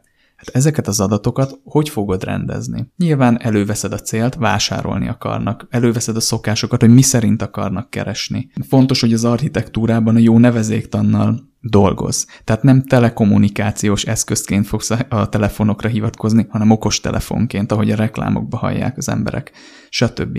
Tehát ez az információs architektúra, az, hogy például mit emelsz ki. Nyilván az árát, a megrendelő gombot, a képet, nem azt teszed a, a nagy be, piros betűvel előre, hogy mondjuk nem tudom hány colos, vagy éppen milyen színmélységű a képernyő, hanem az, ami fontos az embereknek az ára, elérhetője, megrendelő gomb, és akit érdekel, az bemegy a telefonnak a tulajdonságai közé, és megnézi, hogy pontosan milyen. Tehát dióhéjban ez az információs architektúra. És ha belegondoltok, ez elemeknek a logikus elrendezése egy célból, adatoknak a logikus rendezése. És a nemezési rendszerben is hasonló a helyzet. Információs architektúránál általában már rengeteg kész adattal dolgozunk. Tehát megvannak például a termékek, amiket fel kell tölteni egy webshopba. És például nagyon nem mindegy, hogy informatikai termékekről van szó, vagy mondjuk bőrápolási termékekről. Ne, nem ugyanazt fogod előtérbe helyezni. Egy olyan oldalon, ahol nők vásárolnak, és egy olyan oldalon, ahol férfiak. De lényeg, hogy adottak az adatok, és meg kell nézned, a kontextust, a célt, és azt szerint kell kitalálnod, hogy hogyan rendezd, hogy mindenki elérje a célját. Nyilván a webshop tulajdonosnak az a célja, hogy minél többen vásároljanak, és egyébként a gyakorlatilag a vásárlónak is az a célja, hogy vásároljon, hogy minél hamarabb meg tudja venni, kezébe tartsa, örüljön neki. És egy nemezés rendszerhez hasonló rendszer esetében is alkalmazhatjuk az információs architektúrát. Tehát adott nagyon sok mozgó alkatrész, és a célnak megfelelően kell ezeket rendezni. Viszont egy ilyen esetben, amikor ezt tervezzük, dizájnoljuk, akkor még nem adottak a termékek. Tehát itt a termékek, ami a webshopnál egy telefon, tehát nem ez is rendszerben, a Shadow of Mordornál, például az orkoknak egy adott tulajdonsága. Mind a kettőnél azt kell tennünk, hogy logikusan kell elrendeznünk őket, hogy beteljesítsenek egy célt, csak a nemezés rendszernek a tervezésénél még a termékeket is mi határozhatjuk meg. Tehát a tervezési folyamatban az egyes komponenseket sokkal jobban alárendelhetjük a célnak. Tehát ez részben egy tervezési munka, egy nagyon erős iteratív tervezési munka. Például egy nemezésrendszerrel működő játékot szeretnénk tervezni, akkor fel kell tennünk a kérdést, hogy mi lesz az az interakció, alapinterakció, amivel a játékos kapcsolatba fog lépni a nemezésrendszert megtestesítő elemekkel. Ugye a Shadow of Mordor esetén ez a harc, tehát az, hogy te meg akarod ölni az orkokat. Nem fogsz az orkokkal leülni a tábortűznél és beszélgetni, és az szerint, ők majd azt szerint fognak kedveskedni neked, hogy éppen mit tudom én, mit ittatok tegnap, hanem az alap lesz a harc, és ebből fog kibrencselni minden, ebből fog az összes szituáció kibrencselni. Itt lehet a legtöbb vizsgálati pontot felépíteni. Tehát az alapinterakció fogja megadni az alapvető vizsgálati pontokat. Tehát ha most nem a Shadow of Mordor-t nézzük, hanem egy játékot, ahol ezt tervezzük, az egyszerűség kedvéért legyen az, hogy itt is a harcot vesszük alapul, csak mondjuk nem orkokat, hanem szörnyeket ölsz. Akkor tételezzük fel, kétféleképpen küzdhetsz meg a szörnyel. Közelharci fegyverrel, vagy távolsági fegyverrel. Tegyük fel, hogy összecsapsz a szörnyel egy adott arénában, egy helyszínen, és távolsági fegyverrel támadsz. Akkor be lehet építeni például olyan vizsgálati pontokat, hogy hol áll a pályán a játékos, Mondjuk felosztjuk a pályát 4x4-16 részre, és vizsgálati pontokkal ugye ezt megmérjük. Amikor a szörnynek programozzuk az AI-ját, ott úgy kell ezt megtennünk, hogy egyébként a szörny defenzív is legyen, meg offenzív is legyen, hogy esélyt adjunk a játékosnak egyébként, hogy izgalmas legyen a harc, tehát ne full agresszív legyen a szörny, hogy ne hagyja élni. Viszont ezt a kettőt kombinálva, megnézzük azt, hogy hol állt a játékos, és mik azok a részek, ahol megpróbálta kicsízelni a harcot. A szörnynek az AI-jában beleírjuk azt, hogy területi sebzésekkel mondjuk azokat a területeket favorizálja, plusz egy kicsit a potmétert felhozzuk az agresszió szintjén, hogy ezért mégse érezze olyan komfortosan magát a játékos. És így megint csak azt csináltuk, hogy vizsgálati pontokkal megnéztük azt, hogy mit csinál a játékos, és hangoltunk a lényeknek a tulajdonságain. És ezt át lehet ültetni teljesen másik kontextusba, tehát például egy randi szimulátorba is meg lehet ezt csinálni, hogy különbözőképpen reagáljanak, reagáljanak rád a randi partnereid és ott is el lehet helyezni a vizsgálati pontokat, hogy az adott ember hol jár a játékban, milyen elfoglaltságokat favorizál, milyen színű virágot visz, stb. stb. Tehát először érdemes az alapinterakcióból kiindulni, és egyszerűbb egy egyszerű vizsgálati keretet felépíteni. Nem rögtön egy nagyon komplex rendszerrel indítani.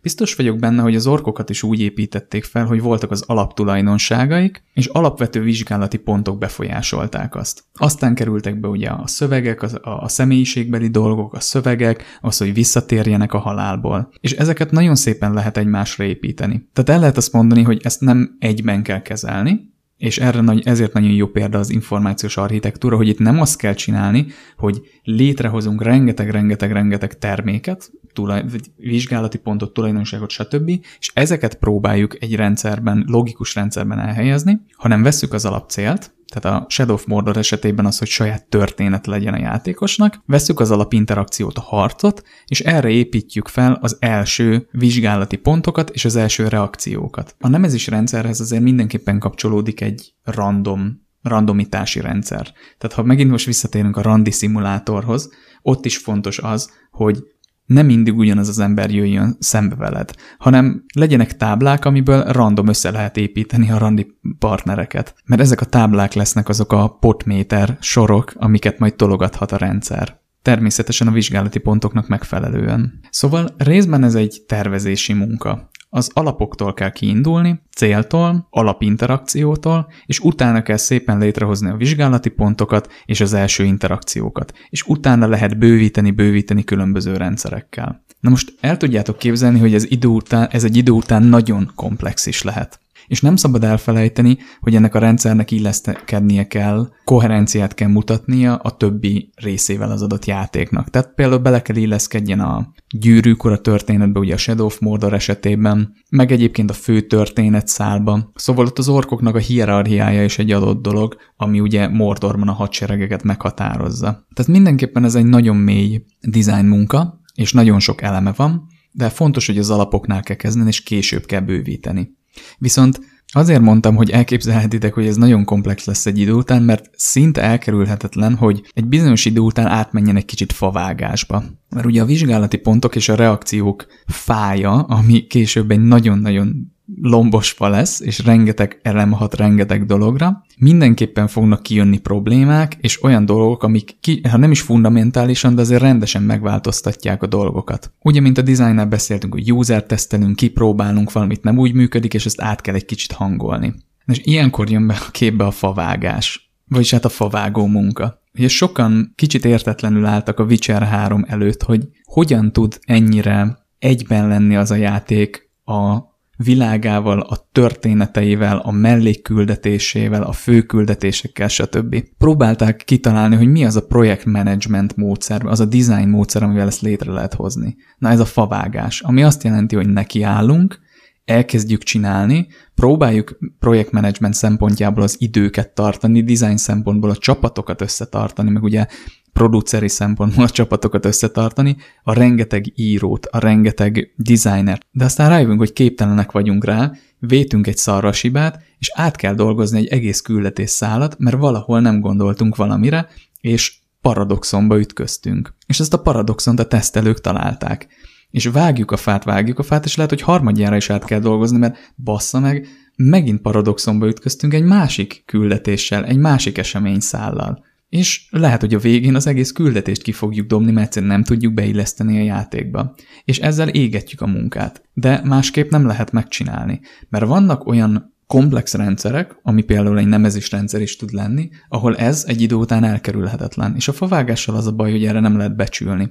Ez egy projektmanagement, design, produceri rémálom, amiből csak azt tudjuk csinálni, hogy egy idő után megállunk. Azt mondjuk, hogy csak 70%-át tudjuk a küldetéseknek leszállítani, vagy mondjuk a nemezis rendszer komplexitásának. Egyébként a Shadow of Mordornál ez történt, hogy a játékot a Shadow of War-nak álmodták meg, de hát Shadow of Mordor lett belőle egy, egy Warhoz képest jóval egyszerűbb változat, mivel nem tudták megvalósítani a víziójukat, pont ezért, mert a, az alaprendszer túl komplex lett, és már egy idő után kifutottak az időből. Úgyhogy leegyszerűsítették, de így is egyébként zseniális lett. Szóval mindenképp lesz egy favágó része a projektnek. Elindulunk kicsiben, bővítjük, bővítjük, bővítjük, aztán pedig az egyik láb, amit növesztettünk, egyik, egyik ág, ütközni fog a másikkal. Mert vagy történet szempontjából, vagy a kettő egyszerűen nem lesz kompatibilis és valamelyiket vagy le kell csapni, vagy át kell alakítani. És az átalakítások mentén egy harmadik ággal fog összeütközni, aztán meg a negyedikkel, aztán letörjük azt az ágat, aztán visszarakjuk.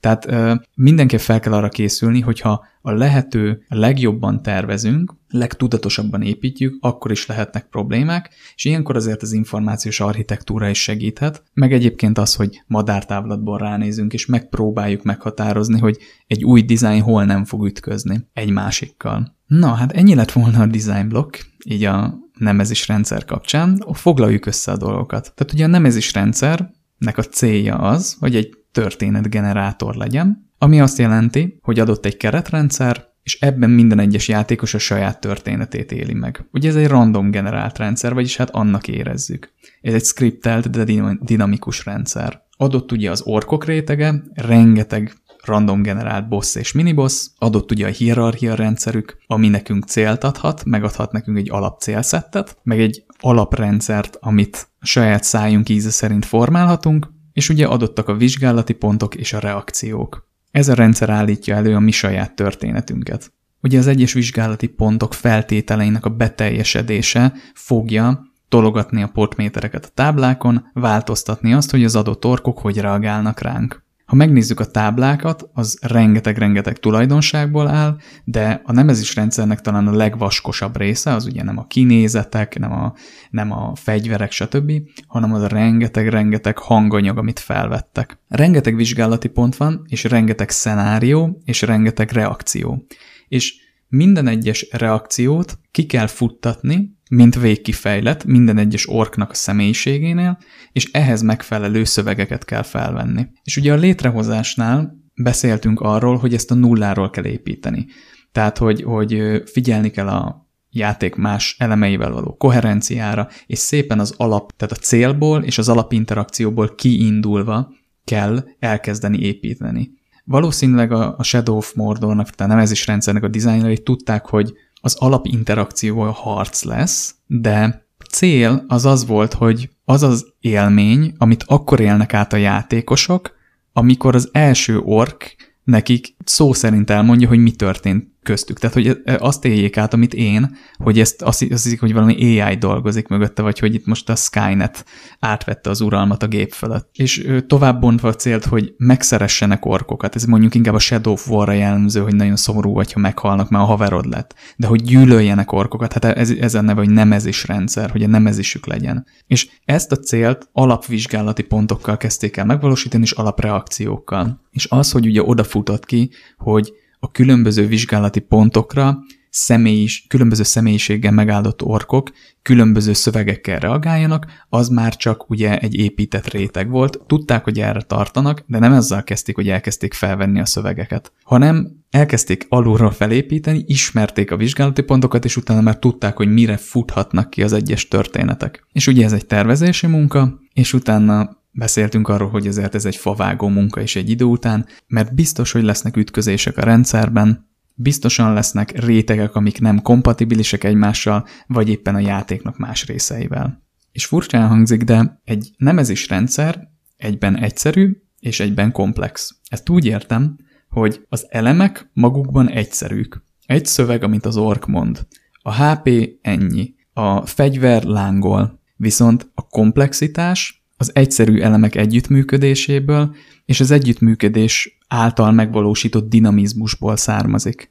Na és így az adás végéhez közeledve, beszéljünk még néhány apróbb dologról, Például arról, hogy miért működik ilyen jól a nemezés rendszer, miért ennyire különleges. Hát egyrészt, hogyha a játékos oldaláról nézzük, akkor ez tényleg egy ilyen emergent storytelling engine, tehát egy történetgenerátor, és ez nagyon hamar lejön az embereknek, hogy itt bármi megtörténhet. Ez az én történetem, én alakítom. És ezt egy játékon belül látni, egy ilyen szintű randomitást és egy ilyen szintű szabadságot, ez azért elég ritka. És ennek a rendszernek igen jól adottak a keretei. Tehát amikor játszod, akkor nem is igazán érzed, hogy a nemezis rendszernek vannak keretei. Tényleg azt érzed, hogy bármi megtörténhet. Ehhez nagyon jó alapot adnak a random generált orkok. Tehát, hogy rengeteg féle van. Sokféle arhetipus, sokféle személyiség, sokféle kinézet, fegyvertípus, és vannak nagyon egyediek is, amiket így nem szoktál nagyon látni, hanem amik így ezerből egyszer bejönnek, főleg a Shadow of War-ba. Például olyan orkok vannak a Shadow of War-ba, amit egy színész szinkronizált, és különleges szövegei vannak, vagy mondjuk egy zenész ork, aki ilyen lanton marhaságokat játszik, vagy egy dalnok, egy olyan dalnok, hogy folyamatosan verseket akar írni. De például van olyan, aminek levágod a fejét, és úgy tér vissza, hogy visszavarták a fejét, meg mondjuk bizonyos testrészeit. Szóval ez a, ez a szintű véletlenszerűség, és ez a fajta történetmesélés, amikor egy ilyen komplex rendszer által élsz meg egy saját történetet, ez nagyon hatásos. Folyamatosan flowban tart, folyamatosan felteszi a kérdést az ember, hogy na most mi lesz a következő, amit át fogok élni, mi, mi fog történni, hogy fog reagálni. Aztán előjön be, amikor már kiismertük a rendszert, előjön belőlünk egy kicsit ilyen, ilyen gonosz, perverz, ilyen, ilyen kísérletezési vágy, hogy hogyan lehetne ezeknek az orkoknak még jobban megnehezíteni az életét, vagy hol vannak a határok. Például a Shadow of War-ban ott van a worse than death mechanika, ami konkrétan agyhalottat tud csinálni az orkokból. Tehát a Shadow of War-ban például arra is lehetőségünk vannak, van, hogy játékmechanikai szempontból lenyomjuk egy orknak a szintjét, viszont az a történetgenerátor nemezis rendszer szempontjából az úgy működik, hogy megszégyenítjük. Tehát azzal gyengítjük, hogy a lelkét nyomorgatjuk meg, és ezáltal bizonyos or- orkok retardáltak lehetnek. Elfelejtnek beszélni, és nem igazán van arra limit, hogy egy orkot hányszor lehet így, így degenerálni, és a végén már egy ilyen tényleg idegroncsok lesznek, és, és szörnyű dolgok, tehát így aztán kinyírni nem nyírják ki magukat, de van már csak, hogy azért vadásznak rád, úgymond, hogy öld meg őket. Tehát ez azért elég durva. És, és adott ez a rendszer, amivel így kísérletezhetünk, sőt, egyébként sok esetben, például a Shadow of War-ban már a rendszer, a játék bíztat is minket, hogy ugye ezeket a rendszereket próbálgassuk, és egyedi kombinációkat találjunk, vagy éppen úgy alakítsuk, ahogy nekünk jó. Mondok egy példát, bizonyos effektel bíró fegyvertípusokat, például, hogy mérgező legyen a fegyver, úgy lehet megszerezni, hogy úgy nyírod ki az orkot, hogy megmérgezted. És úgy kezded majd tervezni a, a kis támadásodat, hogy az adott orkot úgy nyírt ki, hogy amikor már kevés az élete, akkor lemérgezed. És ennek megfelelően a drop is olyan lesz. vagy az egyik tárgyfejlesztő küldetés teljesítéséhez olyan egy adott orkra van szükséged, és hát kinyiratod magad egy orkkal, egy kis gruntal, és reménykedsz, hogy olyan típusú lesz. Szóval itt ez az Emergent Storytelling rendszer, ez a történetgenerátor, amiről egyébként majd később még fogunk beszélni a Rimworld kapcsán, jóval részletesebben. Ott maga a Emergent Storytelling lesz a fókuszban, aminek egy válfaja egyébként a nemezis rendszer, de ott tisztán erre fogunk koncentrálni, amit ugye maga a Rimworld vagy a még előbb a Dwarf Fortress testesít meg, és hát adott a változatosság, a randomitás, amit imádnak az emberek. Bármi megtörténhet, és ezt a nemezis rendszer nagyon-nagyon jól átadja. És a másik dolog, amiről még beszélni szerettem volna, hogy említettem, hogy szerintem a Shadow of Mordor a nemezis rendszer szempontjából jobb. Na most ez nem feltétlenül így van. Tehát, hogyha azt nézzük, hogy mennyi lehetőséged van, milyen szintű randomitás, és ugye a tábláknak a tartalma, az egész játéknak a tartalma, mennyivel több a Shadow of War-ban, mint a Shadow of Mordorban, akkor egyértelmű, hogy a Shadow of War egy jobb játék. Viszont pont amiatt, hogy a Shadow of War-ban ott vannak a erődítmények, az ologok, a Worst Endet mechanika, és, és rengeteg-rengeteg játékmechanikai elem, ami nincs a Shadow of Mordorban, ezért a nemezis rendszernek a lényege nem jön át annyira, mert annyi dolog van, ami elvonja a figyelmedet. Tehát a Shadow of Mordorban sokkal tisztában, sokkal elemibben tudjuk megtapasztalni ezt a rendszert, ami szerintem megérdemli, hogy csak erre koncentráljunk. Tehát aki teheti, ne a Shadow of War-ral kezdje. Mert igaz, a Shadow of War egy kibővítése a Shadow of Mordornak, de a Shadow of Mordorban sokkal tisztábban átjön ennek a rendszernek a lényege. És a Shadow of War-ban sem csináltok más, csak ugye a Shadow of Mordornak az alapinterakciójára, a nemezis rendszerre építettek még sok-sok léjert, és sok-sok interakciót, vizsgálati pontot, stb. Szóval ezért ajánlom azt, hogy a Shadow of Mordorral kezdjetek, és ezért mondom azt, hogy szerintem az így ebből a szempontból, a nemezis rendszer szempontjából egy jobb játék. De hogyha nem csak a rendszert nézzük, hanem minden mást, akkor nyilván a Shadow of War az egy jobb játék. Vészesen közeledünk a lezáráshoz, viszont előtte még szeretnék egy-két dologról röviden beszélni. Az egyik az az, és így visszautalva az adás elejére, vagy az első blokkra, ugye a forradalmakhoz, hogy szerintem nekem szubjektíven mikor történik meg egy ilyen forradalom. Talán triviális ezen elmélkedni, de játszani ugye többféleképpen szoktunk. Az is játék, hogyha a testvérünkkel kicsikorunkban gyűrtük egymást, az is, hogyha plüssökkel játszottunk gyerekkorunkba, vagy akár Rubik kockázunk, de ugye az is játék, hogyha PC-n játszunk, vagy konzolokon. De most egyelőre maradjunk a videójátékoknál, a videójátékok világánál, tehát ne a fizikai játékoknál. Akkor ha belegondoltok, akkor ott van a játékok által megteremtett világ, viszont amikor tervezünk egy játékot, de akár nem feltétlenül csak játékot, bármit, design szemlélettel, akkor nagyon erősen hatással van az egészre a kontextus. És kontextus alatt értem itt például a platformot. Tehát ha egy felhasználói felületet, egy user interface tervezünk, akkor, akkor ha egyel kijebb lépünk, akkor láthatjuk, hogy a user interface mondjuk egy dialog körül van egy komplet szoftver. Ha még kijebb megyünk, akkor a szoftver körül van egy operációs rendszer. Ugye nem mindegy nyilván, hogy Macintosra fejlesztünk, vagy PC-re. Ugye nyilván, ha kijebb lépünk, akkor meglátjuk a monitornak a káváját, tehát van egy monitor, van egy billentyűzet, van egy egér, van egy gépház. És ha még kijebb megyünk, akkor van egy környezet, ahol használjuk ezt. Na de ez miért érdekes? Ugye az idők során, amióta inform, az, az informatika létezik, próbálnak az emberek innoválni azon, hogy hogyan lépünk interakcióba a géppel. Ugye, hogy ma most a játékokra gondolunk, akkor PC Master résznek ott van a billentyűzet és az egér, a konzolosoknak meg ott van a kontroller. De voltak ugye innovatív megoldások is, mint például a Nintendo Wii, a Kinect vagy a Move. De például ide sorolható a VR is. És ha ezt tovább gondoljuk egy kicsit, visszarévedünk a múltba, meg megnézzük a jelent, akkor láthatjátok, hogy forradalmi változás nem történt ebben az interakcióban. Tehát ha visszamegyünk a kazettás komodoros korban, ott is joystick volt, ami gyakorlatilag megfelelő egy kontrollernek, mert egy stick állt ki belőle, és gombok voltak, meg ugyanúgy ott volt a billentyűzet, meg az egér is. Tehát gyakorlatilag most, ahogy valorantoznak, vagy éppen warzone a, a mai kis suhancok, gyakorlatilag hasonlóan játszottunk annól a Prince of Persia-val egy doszos gépen. Tehát van egy direkt interakció, ahogy mi kommunikálunk a géppel, ugye megnyomjuk a gombokat, úgy mozdul, mozdul el a karakterünk. Viszont, hogyha egy layert ugye le, beljebb megyünk, akkor azt láthatjuk, hogy annak megfelelően, hogy hogyan nyomjuk meg ezeket a gombokat, különböző interakciókba léphetünk a világgal. Most gondolok itt arra, hogy például vannak olyan játékok, ahol ha megnyomod a duplavét, akkor előre fog menni a karaktered, viszont ha megnyomod duplán mondjuk, akkor gurulni fog egyet előre. Ilyen egyszerű. És gyakorlatilag egy ilyen belső layerem ezek a mechanikák teremtik meg az interakciót a játék világával. És ugye amikor történik ebben valami forradalom, úgymond, valami, valami frissítő, hogy kapunk egy eddig még nem tapasztalt szabadságot, feloldanak korlátokat, vagy éppen korlátok között kell játszanunk, mert az az érdekes, új lehetőségeket kapunk, akkor történik valami. Na de tulajdonképpen mi történik? Ugye ezek az interakciók és a játékok világának a reakciója teremti meg az élményt. És gyakorlatilag az egész játékdesign élmények teremtéséről szól.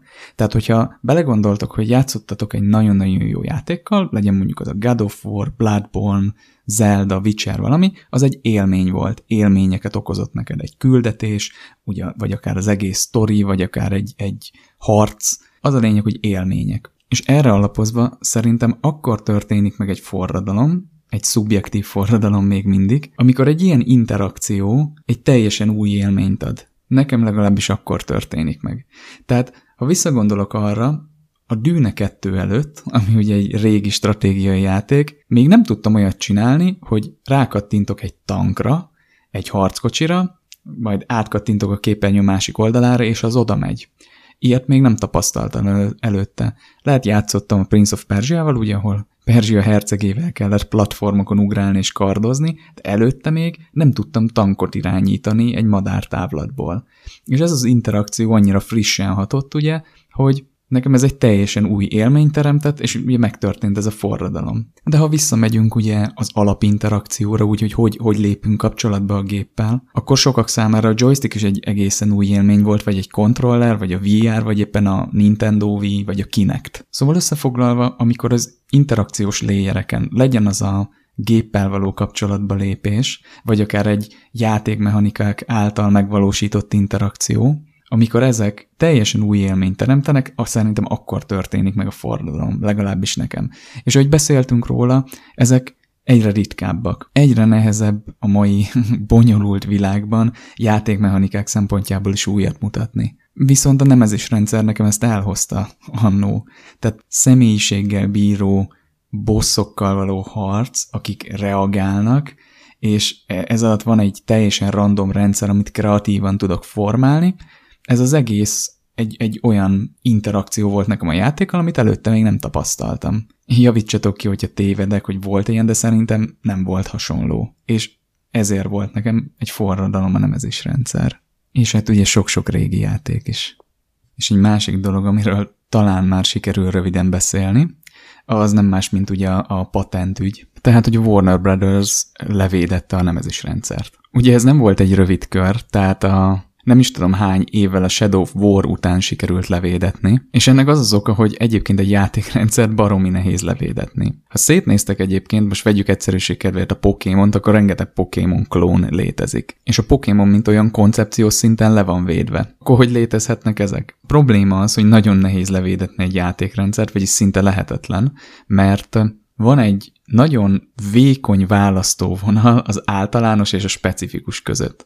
Ha túl specifikusan írod le, akkor ugye azt nagyon könnyű megkerülni, lásd Pokémon klónok, ha túl általánosan írod le, akkor azt a szabadalmi jogot, vagy arra való kérelmet el fogják utasítani, mert az az általános leírás annyira általános lesz, hogy túl széles lesz a spektrum, amit fel akar ölelni, és hát az, ezeket általában el szokták utasítani. Tehát borzasztó nehéz általánosan úgy leírni egy játékrendszert, hogy azt úgymond megfelelő védelemmel is ellást, de ugyanakkor át is menjen a szabadalmi eljáráson, tehát nem fogalmaztál túl általánosan, amivel gyakorlatilag az egész, egész világ a te szabadalmad. És igen, hogyha körülnéztek, akkor rengeteg eredeti játéknak van csomóféle iteráció, tehát nem is tudom, mit hozzak például. Például rengetegféle rizikó van, rengetegféle únó van, és ugye egy az egybe másolják a, a leghíresebb játékokat is. De akkor mégis hogy működhetnek ezek? Hát, ez egy elég szomorú ügy, vagyis hát egy elég szomorú dolog, és itt ugye a fókuszban a megfélemlítés van. Tehát adott mondjuk a Nintendo, és ugye ott van a Pokémon, mint brandjük, és ha te gyönyörűen megkerülöd a szabadalmukat a Pokémonra, tehát csinálsz egy abszolút Pokémon klont, de átszínezett a karaktereket, meg éppen nem hasonlítanak, éppen nem hasonlítanak rájuk, és a főszereplő S helyett Cash, vagy valami nem tudom ilyenek, akkor gyakorlatilag tényleg megkerülted a szabadalmukat, de ettől függetlenül ott van az a háttérben, hogy beperelhetnek. És adott egy pici indi stúdió, mondjuk vannak ötem, ők nem feltétlenül vállalják be azt a rizikót, hogy perre menjenek a Nintendo-val. Ugye ezek a perek el tudnak húzódni, azért van masszív költségük, és és ebbe egy indie stúdió nem csak, hogy simán bele tud rokkanni, hanem egyértelműen belerokkan, egy Nintendo-nak ez pedig kb. akkor összeg, hogy ezért így le se hajolnak, sőt észre sem veszik a földön. És éppen ezért van az, hogyha elindul egy ilyen játék, vagy egy, egy olyan, ami talán meg is közelít egy ilyen patentet, szabadalmat, akkor küldenek neki egy levelet, hogy á, ez nagyon hasonlít a mi játékunkra, és be fogunk titeket perelni, és általában így szokott vége lenni a történetnek. De ettől függetlenül sokan felveszik a kesztyűt, és egyébként általában ezeket az ügyeket megnyerik, de előfordulhat az is, hogy attól függetlenül, hogy megnyerik, annyi pénzt vertek el a pereskedésre, hogy egyébként nem lesz profitábilis a projekt. Szóval a játékrendszereket szinte lehetetlen levédetni, és gyakorlatilag nagyon könnyű ezeket megkerülni, csak ha ott van a háttérben az, hogy nem változtatsz eleget, és felmerül ugye a szabadalom sértésnek a gyanúja, és be, betámadhat titeket egy nagy cég, aki mondjuk a Warner Brothers, a nemezés rendszer miatt, és szétperelhet titeket, hiába nyeritek meg, azért az elég sok stressz és hát elég sok pénz. Szóval van ezeknek egy megfélemlítő ereje. Viszont én végigolvastam a nemezés rendszernek a patentjét, és fú, hát nem tudom, tehát elképesztően pró, nyögvenyelősen és, és erőltetetten próbálták általánosan megfogalmazni a dolgokat, és nem is értem, hogy ez hogy mehetett át, mint szabadalom. Olyan dolgokat írnak le benne például, hogy Ugye beszéltünk arról, amikor most boncolgattuk a nemezis rendszert, hogy gyakorlatilag az is egy nemezis rendszer, hogy felveszel egy küldetést, megcsinálod, és amikor leadod, mást mond neked a küldetésadó. Mert ugye tör, van egy vizsgálati pont, és van egy reakció. Na ők ezt konkrétan leírták a patentbe, hogy az, amikor egy karakter másképp reagál rád, mert történt valami a játékban. Tehát, agyfasz, tehát innenstől kezdve úgy, hogy ezt elfogadták, ezt a patentet, gyakorlatilag beletartozik a, a küldetés teljesítés. Tehát most a Witcher 3-nak kijön egy DLC-je, vagy nem tudom, amiben küldetéseket kell teljesíteni, és mikor visszamész máshogy beszélnek hozzád, akkor elméletileg a Warner Brothers megtámadhatná. Tök mindegy, hogy, hogy esélyük nincsen megnyerni, de gyakorlatilag erről van szó. És azért persze rendesen belemennek a részletekbe, tehát ha mondjuk a Sonicnak megnézitek a patentjét, ott rajzok vannak, hogy hogyan kell a Sonicnak gyűrűben futnia, stb., meg milyen grafikák, tehát ott nagyon sok mindent kifejtenek, itt is nagyon sok mindent kifejtenek, de vannak brutálisan általános részek, amiket nem is értem, hogy fogadtak el. De ettől függetlenül ugye érezhető az általában egy szabadalomban. Tehát most tegyük fel, hogy akartak egy játékot fejleszteni, ami, aminek az alaprendszere egyébként szabadalmi védelem alatt áll. Ezekből a szabadalmi szövegekből úgy nagyjából meg lehet állapítani, hogy mik azok a komponensek, amikre a legérzékenyebbek. Tehát mik azok a komponensek, amik egyértelműen a szabadalmi védelem alá tartoznak. És ha ezeket nem pofátlanul másolja az ember, vagy egy kicsit innovál a rendszeren, megváltoztatja, megcsavarja, akkor egyébként ezeket például a nemezés rendszer patentjén is túl lehet lépni. Tehát amikor kijött egyébként, kijöttek erről a hírről, akkor sok játék, videójáték sajtó megírta azt, hogy Eddig lehettek a játékok, például az XCOM 2-be, vagy a Assassin's Creed Odyssey-be, stb. stb. lehettek a játékokban, most már nem lesz ilyen. De lesz ilyen. És nem azért voltak ritkák, vagy lesznek ritkák, mert van egy ilyen szabadalom bejegyezve, hanem azért, mert rohadt nehéz egy ilyen rendszert jól megcsinálni. Tehát ez egy iszonyatos nagy projektmenedzsment, fejlesztés és design feladat. És igen, bizonyos játékok próbálkoztak beépíteni, de mint csak egy ilyen, ilyen lehelletnyi alrendszer. Tehát, hogyha már szó volt például az XCOM 2-ről, akkor ott a, a War of the Chosen kiegészítőben, a Chosenek, ugye ezek a félisten idegenek, ezek különbözőféleképpen reagálnak rád, attól függően, hogy egyébként mit csinálsz a játékban. Ez egy nemezis rendszer egyértelműen. Tehát az egyik Chosen az például egy ilyen assassin, akinek van egy kardja, a másik meg egy sniper. Ha megölted a, az assassin akkor a kardját oda lehet adni az egyik emberednek, ilyen x-komos katonának, és ha azzal megcsapod a snipert, akkor ő így megkérdezi, hogy hé, ez nem az a kard, amit egyébként a nővérem hurcolászott? Tehát, hogy vannak benne ilyen apróságok, és ezek ilyen apró nüanszként nagyon jók. Tehát nem egy teljes nemezős rendszer. És ugye az Assassin's Creed Odyssey-ben sem feltétlenül volt ez teljes. Ezek pont úgy működtek, hogy nem feltétlenül akasztották ki volna most sem a patentet, talán az XCOM jobban, mert ott személyiségek, meg ilyen szöveges reakciók voltak, vagy ilyen dialógus reakciók, amire egyébként ugye a nemezés rendszernek a patentje, legalábbis a szövegezés alapján allergiás, tehát ezt védik a legjobban, az ilyen személyiségbeli reakciókat. Tegyük fel, hogy egy olyan játékot fog csinálni valaki, amiben a nemezés rendszer teljesen más játékelemeket fog formálni, akkor az elképzelhető, hogy teljesen a radar alatt fog maradni. Mert az már régóta létezik, azt nem lehet levédetni, hogy a játékokban vannak vizsgálati pontok, és egyébként reagál a játék. Tehát azt, azt nem lehet. Ott kezdődnek egyébként a bajok, hogyha mondjuk egy indie stúdió elkezdi felhívni magára a figyelmet. Tehát látszik rajta, hogy valamit másol. Tehát megcsináljátok a játékotokat, és elkezditek azzal marketingelni, hogy ez olyan, mint a nemezis rendszer, na akkor ott bajok lesznek. Még hogyha egyébként nem is olyan, csak ezt marketingfogásnak akarják, egyértelműen nem lehet nemezis rendszernek hívni, és ha felhívják magukra indie stúdiók figyelmet, akkor, akkor ott már borul a bili. De egyébként egy ilyen kreatívan módosított rendszer, az még simán átmegy a radar alatt. Na most nem akarom ezt nagyon túlhúzni, de azért még a saját véleményemet hozzácsapnám. Ritkán fejtek ki úgy aktívan véleményt valamiről, de erről nekem egyébként az a véleményem, hogy az egész ilyen jogvédett játékokról, hogy én értem, hogy, hogy védeni akarják a kreatív tartalmaikat. Én értem, hogy ne legyen másik Pikachu, ne legyen másik nem tudom micsoda. De úgy gondolom, hogy az ilyen játékrendszereket, mint a nemezis rendszer például, hiba levédetni, mert egyszerűen akadályozza, hogy innovációk történjenek a gaming szférában. Tehát egyszerűen az, az ilyen patentek akadályozzák azt, hogy fejlődjenek a videójátékok ilyen interakció szinten, hogy forradalmak történjenek. Mert megcsinálták a nemezis rendszert, tök jó, letisztult. Viszont ha nem védetik le, és várunk pár évet, simán el tudom képzelni azt, hogy egy másik nagy stúdió, vagy egy akár egy indie stúdió tud ebbe valami még nagyobb csavart rakni, amitől még jobb lesz ez az egész. És ez valószínűleg így nem fog megtörténni. Az indie stúdiók félni fognak a pereskedésre, és nyilván a nagy stúdiók sem akarnak perre menni, csinálnak valami egyszerűbbet de mindenképp van egy erős visszatartó erő ezáltal, és szerintem ilyen játékrendszereket hiba levédetni. De ez persze egy szubjektív dolog, nekik nem hiba, mert védik a kreatív tartalmukat, és nem szeretnék, hogy ezzel más visszaéljen. Biztosak lehettek benne, hogy a következő Batman játékban, vagy, vagy gyűrűkura játékban, vagy akármilyen játékban, amit a Monolith fog csinálni, abban nem ez is rendszer lesz. És meg fog jelenni más Warner Brothers játékokban is, de szerintem szomorú és sajnálatos, hogy ezt nem adták oda a játékiparnak, mint egy olyan rendszert, amit lehet alkalmazni és lehet fejleszteni. Sokkal színesebb és sokkal kreatívabb játékok születhettek volna, hogyha ezt szabad használni. És így, mint designer, fejlesztő így a másik partról, ugye, akit lekorlátoz ez a, ez a szabadalom, így, így ez számomra elég szomorú.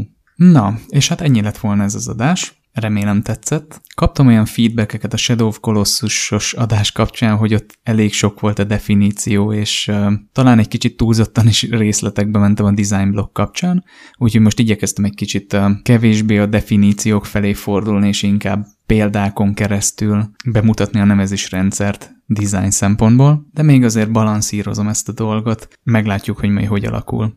Ahol egyébként a nyersanyagban, ment a, a kutatásokban találok tanulmányokat, definíciókat, nyersebb dolgokat, azért azokat megpróbálom átdolgozni fogyaszthatóbbakká, és egyébként előadni nektek, mert sokat lehet tanulni belőle. Ennek a résznek egyébként nem volt most ilyen inspirációs videója, megnéztem egy-két YouTube videót, de igyekeztem inkább a saját gondolataimat megosztani veletek, és úgy a részeire szedni a nemezis rendszert, ahogy én gondolom, ahogy én állnék neki egy ilyennek a tervezésének, ahogy én tapasztalom az egyes részeit. Úgyhogy hát ismét remélem tetszett, és köszönöm szépen, hogy hallgattok, tartsátok meg a jó szokásotokat, és hamarosan találkozunk. Sziasztok!